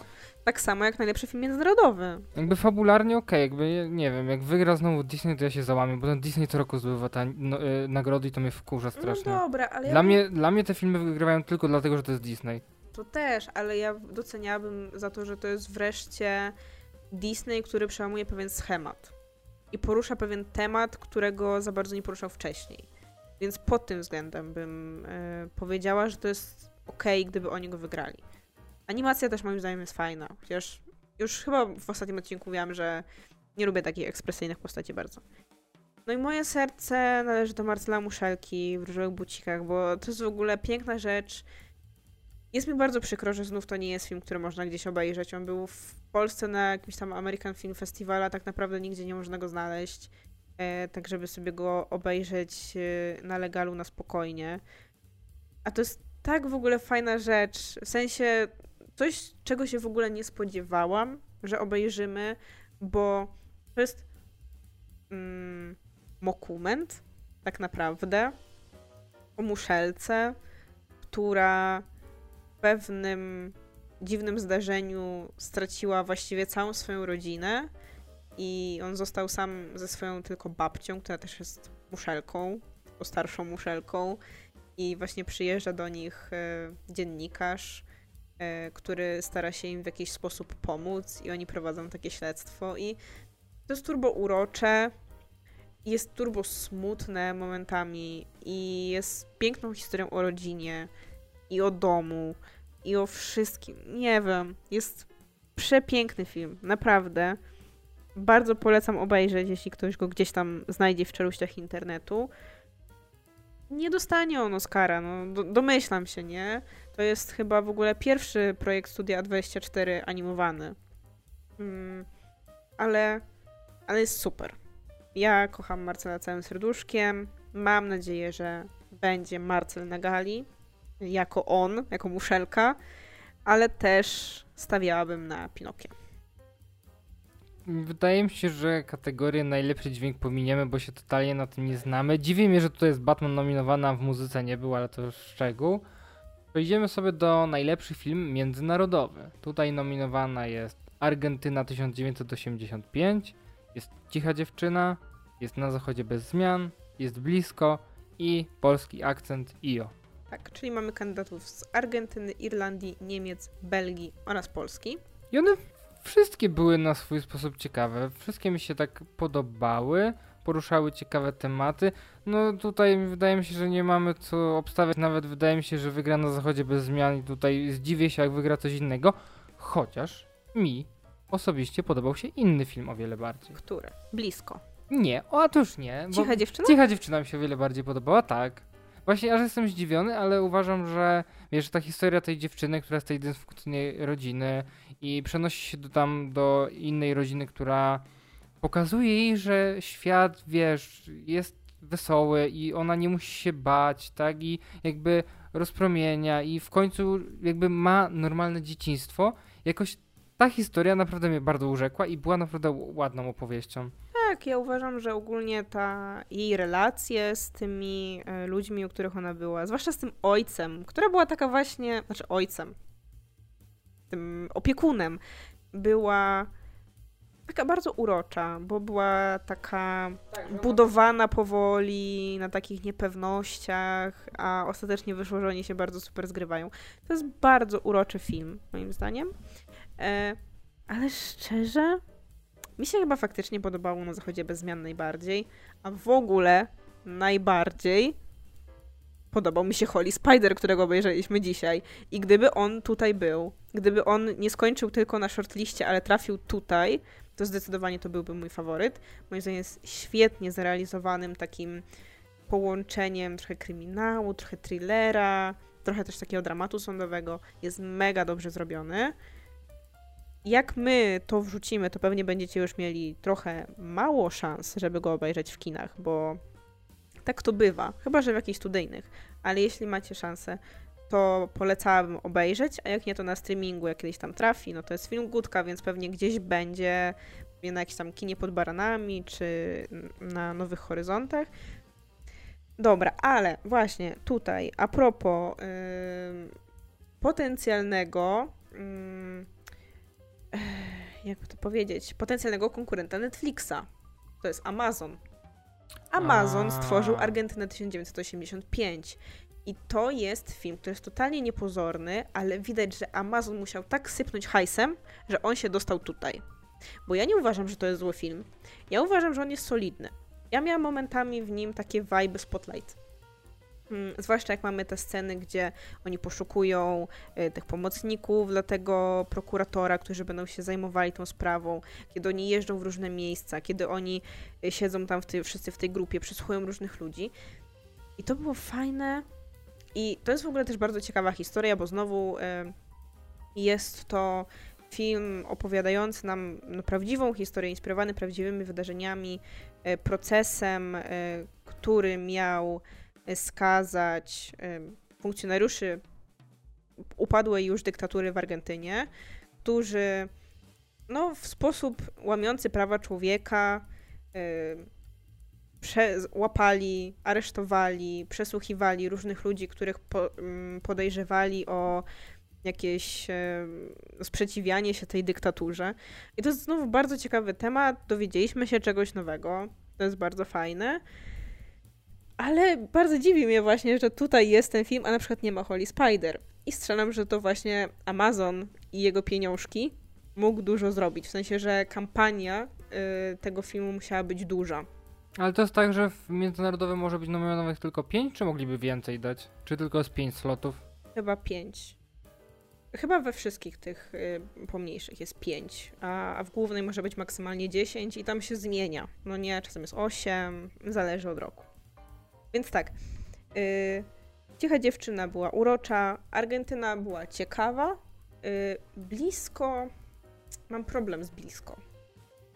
Y, ja w ogóle oglądałam sobie materiał na temat tego filmu na kanale Drugi Seans. Bardzo go lubię zresztą. E, I ten materiał mi uświadomił, że ja widziałam poprzedni film tego reżysera, który stworzył Blisko.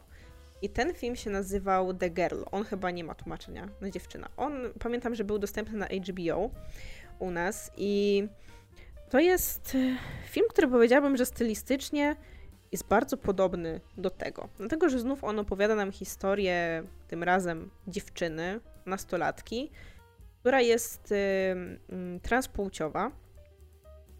I znów pojawia nam się tam wątek sportu, tyle że ona jest baletnicą.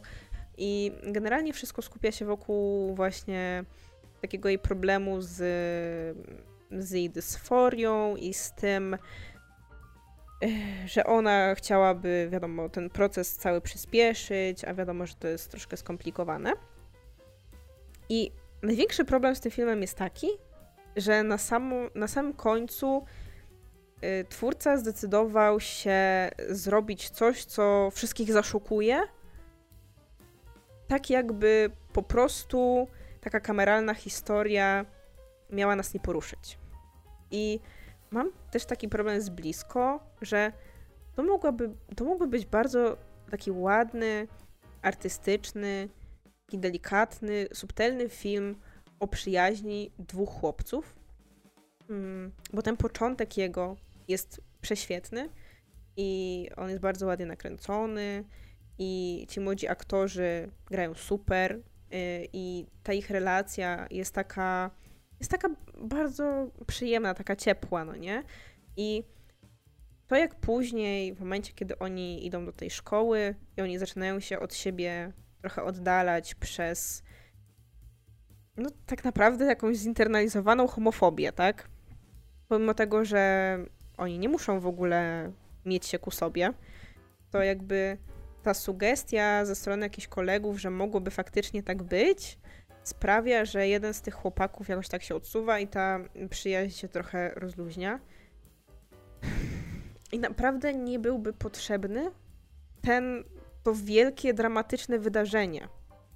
A tak naprawdę nie dość, że mamy to wielkie, dramatyczne wydarzenie, to ono dzieje się na tyle wcześnie, że trochę nam się zupełnie zmienia temat filmu. Właściwie w połowie albo nawet przed połową. I nie wiem. Było to dla mnie słabe posunięcie, bo zdecydowanie fajnie mnie przyciągał na początku, a później jak już się skupiałam na tym drugim temacie, to miałam takie mm. Znaczy ja właśnie zrozumiałem, że bardziej to miało być o tym drugim temacie, że jakby to była taka trochę podbudówka. No i jak się wydarzyło to, to ja właśnie rozumiałem, że to miał być film o tym, jak ludzie to przeżywają, jak to odbierają i jakby zastanawiałem się, czemu do tego doszło i to też jest takie niejednoznaczne, nie? To szczerze, ja bym bardziej doceniła, gdyby to był właśnie film o chłopięcej przyjaźni i to, jak przez to, w jakim żyjemy społeczeństwie, taka bliskość właśnie tytułowa między chłopcami czy między mężczyznami jest traktowana w jakiś zły sposób i jest postrzegana negatywnie. Wydaje mi się, że to jest y, temat, który się też właśnie rzadziej porusza, nie? I ja uważam, że właśnie gdyby ominąć to, wiesz, wielkie wydarzenie, które się musiało wydarzyć, ten dramat, żeby nam wszystkim było smutno, to to byłby po prostu lepszy film. Nie wiem. Po prostu wolałabym obejrzeć go w takiej formie. Nie zmienia faktu, że jest okej. Okay. A i o polskie było dla mnie okay, ale w sensie tam się za bardzo nic nie działo. To miała być po prostu taka opowieść o tym ośle, który jest takim trochę, nie wiem, popychadłem, w sensie, że on nic jakby sam z siebie nie robi. On po prostu jest i obserwuje rzeczywistość, jakby bardziej rzeczy się dzieją wokół niego niż cokolwiek on robi. I jakby to jest wszystko w tym filmie. Jakby nie ma jakiejś tam za dużej ciągłości fabularnej, po prostu obserwujemy różne scenki w różnych miejscach, nawet nie zawsze skupiając się na tym ośle, tylko na tym, co się dzieje wokół niego, nie? Tak, Jak... to co on widzi, nie? No. No, ja się nie dziwię, że ten film dostał nominację, bo to jest y, trochę taka sytuacja jak na przykład w przypadku twojego Vincenta. Czyli to nie jest jakby, wiesz, no film, który jest y, historią, która jest wybitna, ale ma bardzo ciekawy pomysł na siebie, bo no, rzadko oglądamy w ogóle filmy z perspektywy zwierzęcia, gdzie właściwie nie ma dialogów, gdzie obserwujemy tę historię właśnie z perspektywy postaci, która nic nie mówi i, i jeszcze dodatkowo już nie mamy żadnego głosu z offu, czy próby powiedzenia nam wprost, co ten osioł sobie może myśleć. I jakby to nie jest tak, że ten film mnie jakoś zachwycił. Ja uważam, że znaczy on wywołał u mnie parę takich przemyśleń, ale głównie właśnie a propos nie tyle, że zwierząt w przemyśle filmowym, ale na przykład tego, jak można nagrać film ze zwierzętami, żeby to było w pełni etyczne, nie? No bo wiadomo, ten film jakby wprost mówi się, że to jest film, który powstaje z miłości do zwierząt, tak? Czyli to jest film, który ma zwrócić uwagę na problem, problem tego, jak traktuje się zwierzęta. I zastanawiam się, jak można stworzyć film o miłości do zwierząt i o tym, że nie powinno się zwierząt wykorzystywać, jednocześnie wykorzystując zwierzęta w tym filmie, nie? Na ile można sobie pozwolić? No bo ja oczywiście słyszałam, że to też nie jest tak, że tutaj grał jeden osioł, tu było tych osłów dużo. Pewnie, żeby uniknąć też, wiesz, jakiegoś przewożenia tego osła, żeby też go nie męczyć nie wiadomo jak dużo. Słyszałam też właśnie, że dużo było takich e, momentów po prostu, gdzie jakby osioł sobie był i on sobie robił co chciał i po prostu twórcy obserwowali, co on robi i tak to nagrywali, a nie że zmuszali go do zrobienia czegoś, bo to jest napisane w scenariuszu i masz to zrobić. Więc to jest ciekawe, ale właśnie też zastanawiam się właśnie na ile da się stworzyć, tak wiesz, w pełni etyczny film z udziałem zwierząt, nie? Więc ja nie twierdzę oczywiście, że wiesz, Skolimowski tam zrobi jakąś krzywdę tym zwierzętom, nie? Czy tym osłom, czy coś, chociaż tym lisom zdecydowanie była robiona krzywda. I chociaż wydaje mi się, że to mogło być po prostu prawdziwa ferma, na której oni byli. Więc no te lisy tak czy siak miały przerąbane, ale jak je zobaczyłam, to strasznie mi było smutno. Bo były tak przerażone, że masakra. Już od razu sobie wyobraziłam naszego kota, że to jest on, nie? Bo jest taki podobny i było mi strasznie no, to wstrząsnęło. Więc no mówię, znowu to jest bardzo, bardzo ciekawy film i znowu fajnie, że dostał nominację, bo się zainteresowaliśmy, obejrzeliśmy go i tak dalej, ale no na zasadzie bez zmian wygra. Ale ja bym dała Holy Spider, gdyby tu był.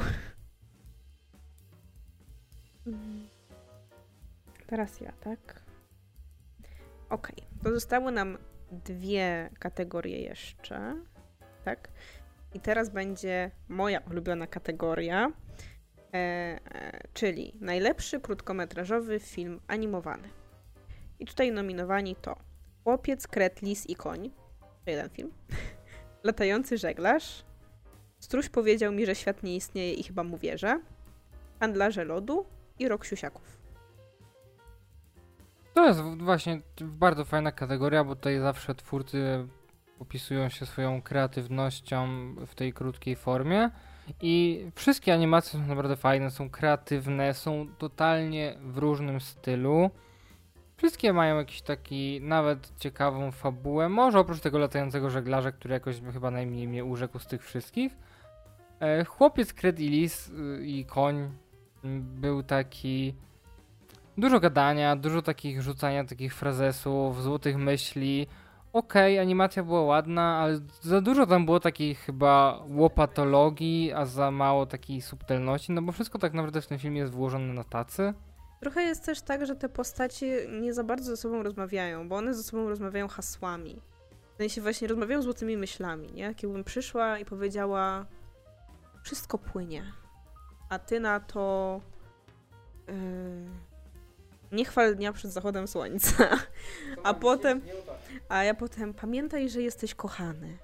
A on, pamiętam, że jestem kochany.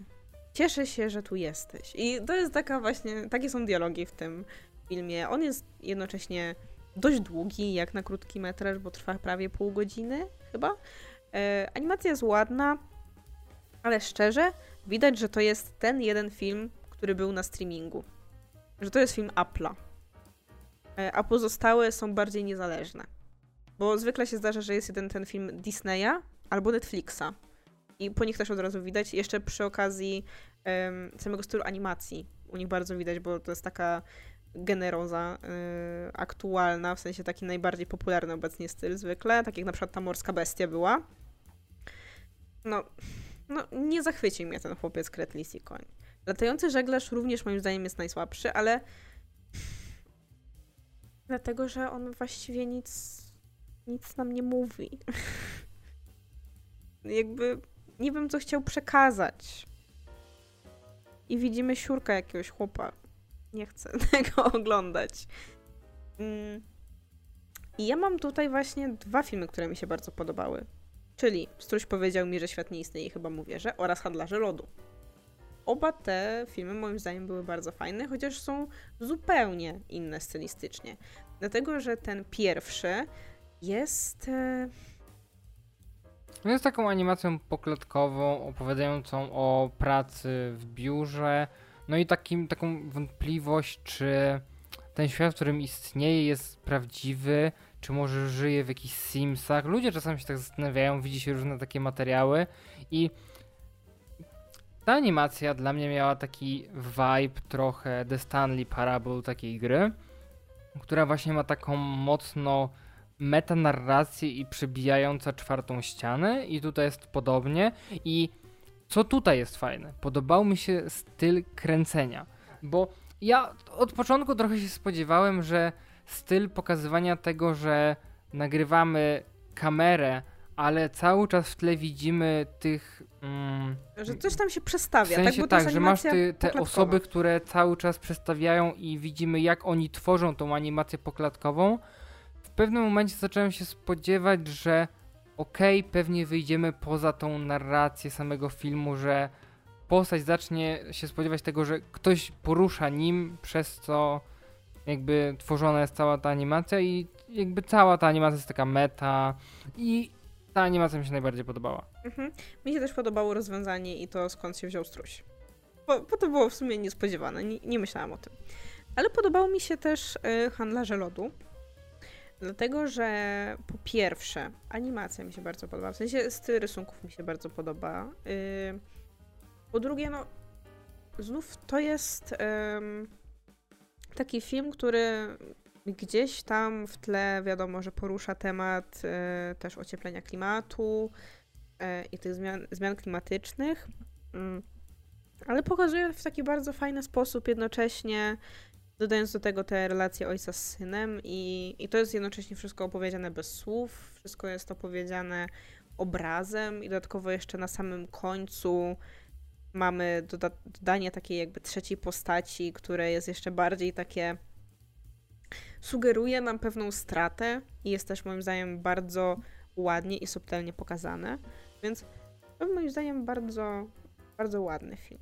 Ja mi się bardzo, bardzo podobał właśnie tak pod względem takiej ładnej, takiej subtelnej właśnie znowu historii i był dla mnie bardzo przyjemny. I ostatnia kategoria Najlepszy montaż. Tutaj mamy Duchy Inisherin, Elvis, Tar, Top Gun Maverick i Wszystko Wszędzie Naraz. I wydaje mi się, że tutaj najlepiej zmontowany, to mówiłem przy okazji chyba reżyserów, Wszystko Wszędzie Naraz, masz tą właśnie zabawę e, tymi różnymi uniwersami, jest sporo właśnie takich przejść między tymi E, uniwersami, gdzieś te kadry takie poprzecinane, że widzimy kilka naraz wersji. No, chociaż nie zdziwiłbym się z Top Gunem też, bo tam też był bardzo fajny montaż tych lotów i tych podniebnych akrobacji, ale jednak najbardziej wszystko wszędzie naraz do mnie przemówiło ja pod względem montażu. Nie, też bym się nie zdziwiła z Elvisem. Dlatego, że Elvis jest zdecydowanie filmem takim, który bardzo dużo gra montażem, ale no tu wiadomo, że trzeba mm, po pierwsze się zastanowić, na ile wiesz, najwięcej montażu oznacza najlepszy montaż, nie? Bo znowu, jakby my jak patrzymy jako laicy z zewnątrz, no to wiadomo, że my zwracamy uwagę przede wszystkim na te filmy, które wyraźnie grają montażem. Czyli właśnie Elvis albo Wszystko Wszędzie Naraz, nie? Gdzie ten montaż jest bardzo istotny, a tak naprawdę w przypadku takich duchów i niż my nie zwracamy na to uwagi, nie? Po prostu oglądamy film, on wygląda ładnie i jest spoko, ale nie zwracamy uwagi na to, kiedy są te cięcia no nie, bo nie ma sceny walki, nie ma nie wiadomo czego, tylko mamy zwykłą, wiesz, prostą historię. Więc wydaje mi się, że tutaj będzie yy, między właśnie Elvisem a Wszystko Wszędzie Naraz, ale ja bym chyba nagrodziła właśnie Wszystko Wszędzie Naraz, bo Elvis... Znaczy, Elvis na pewno stoi. Stoi tym montażem. Bardzo. I wydaje mi się, że to jest też taki montaż, który wiele osób może odbić od tego filmu, bo on jest bardzo taki dynamiczny i ja na początku, jak właśnie go oglądałam, to czułam, że jest trochę męczący. Ale z czasem musiałam się dopiero właśnie do tego przy, przyzwyczaić i wydaje mi się, że to właśnie mm, ze stylu montażu bardzo mocno wynikało. To ciekawe, bo ja przy Elvisie tak nie odczułem tego. On jest bardzo, bardzo gra montażem. Bardzo. Może po prostu już nie pamiętasz, bo też trochę dawno go oglądaliśmy, nie? Jak, jak był w kinach. Ale no, on mnie na początku męczył, bo on jest bardzo taki, bardzo szybki, teledyskowy, taki, wiesz, dużo jest takich scen, które są takie trochę przerysowane, nie? Na przykład jak jest scena, gdzie jest takie zbliżenie na tego chłopaczka i mówi on jest biały! I wiesz, to jest takie taki humorystyczny często jest ten montaż i jest bardzo właśnie dynamiczny i momentami właśnie taki teledyskowy i taki, albo z takiej reklamy jakiejś, nie? Że wszystko szybko, szybko dzieje się. Więc no pewnie rozegra się tutaj to między tymi dwoma, ale ja bym wybrała wszystko wszędzie naraz. Ja też. No i dotrwaliśmy do końca. Jak oceniasz w ogóle tegoroczne zestawienie? Tak wszystko, wszystko. Czy było tu dużo fajnych filmów? Czy jesteś trochę zawiedziony? Czy nie, odkryłeś fajne rzeczy? Było dużo fajnych filmów. Na pewno wszystkie miały taki wysoki poziom. Właśnie tak jak mówiłem na początku, nie było żadnego filmu, który bym uznał, że nie rozumiem czemu jest. Jakby chodzi o tą główną kategorię, tak? Że nie rozumiem czemu jest y, jakiś film. Było sporo takich kategorii, w których trudno było coś wybrać. Ale nie zawsze z tego powodu, że wszyscy byli dobrzy, nie? E, ale nie, no wydaje mi się, że w tym roku jest wysoki poziom. To ja właśnie jestem zawiedziona, szczerze, tym rokiem, dlatego że bardzo dużo filmów i z kategorii właśnie tej głównej i przede wszystkim z kategorii film międzynarodowy, która jest dla mnie bardzo ciekawa zawsze i jest takim źródłem fajnych odkryć, było takich po prostu okej. Okay. Że jakby oglądałam ten film i miałam takie mhm, obejrzałam, fajnie, fajnie, idziemy dalej mało było emocji dla mnie. No bo wiadomo, że znowu jako, wiesz, widz przeciętny, a nie, wiesz, y, akademik yy, hollywoodzki, który się zna na rzeczach i na technicznych sprawach i tak dalej, i na, wiesz, scenopisarstwie i tak dalej. Ja oceniam w dużej mierze też filmy na takiej zasadzie, czy, czy one działają na mnie emocjonalnie, czy ja coś czuję, czy ja się wkręcam bardzo w tę historię. I bardzo mało było właśnie takich filmów, które faktycznie mnie jakoś tak zachwyciły. I no, takie dwa naprawdę to będą właśnie Duchy Inisherin i After Sun, a pozostałe to były takie w większości właśnie takie no okej. Okay. No okej, okay, obejrzałam i fajnie i idziemy dalej. E, zwłaszcza jak teraz sobie tak nadrabialiśmy pod koniec już te niektóre mm, to właśnie miałam takie poczucie, że no okej, okay, obejrzany, no to jutro oglądamy kolejny i potem znowu jest no okej, okay, obejrzany i znowu kolejny. Więc było mało takich właśnie, które by mnie tak przyciągnęły, zachwyciły, a w poprzednich latach nie będę wskazywać w których konkretnie latach, bo też nie pamiętam dobrze wszystkich, ale wydaje mi się, że było tego więcej. No rozumiem. Jesteśmy ciekawi waszej opinii. Jakie filmy wam najbardziej się podobały? Niekoniecznie te, które spodziewacie się, że wygrają. Ale tak osobiście dla was, które obejrzeliście, kurde, to jest dobry film i fajnie, że jest nominowany i chciałbym, żeby wygrał. Tak oso osobiste po prostu odczucia. Dlaczego to duchy i nisze? Dziękujemy wam za uwagę. Mnie wszędzie w internecie można znaleźć pod nickiem Adaś Alex. Mnie natomiast możecie znaleźć na facebookowym fanpage'u Ocieplanie wizerunku Skandynawii o skandynawskim kinie i na książkowym Instagramie Daria Podłoga OWS. I do usłyszenia. Cześć. Pa, pa.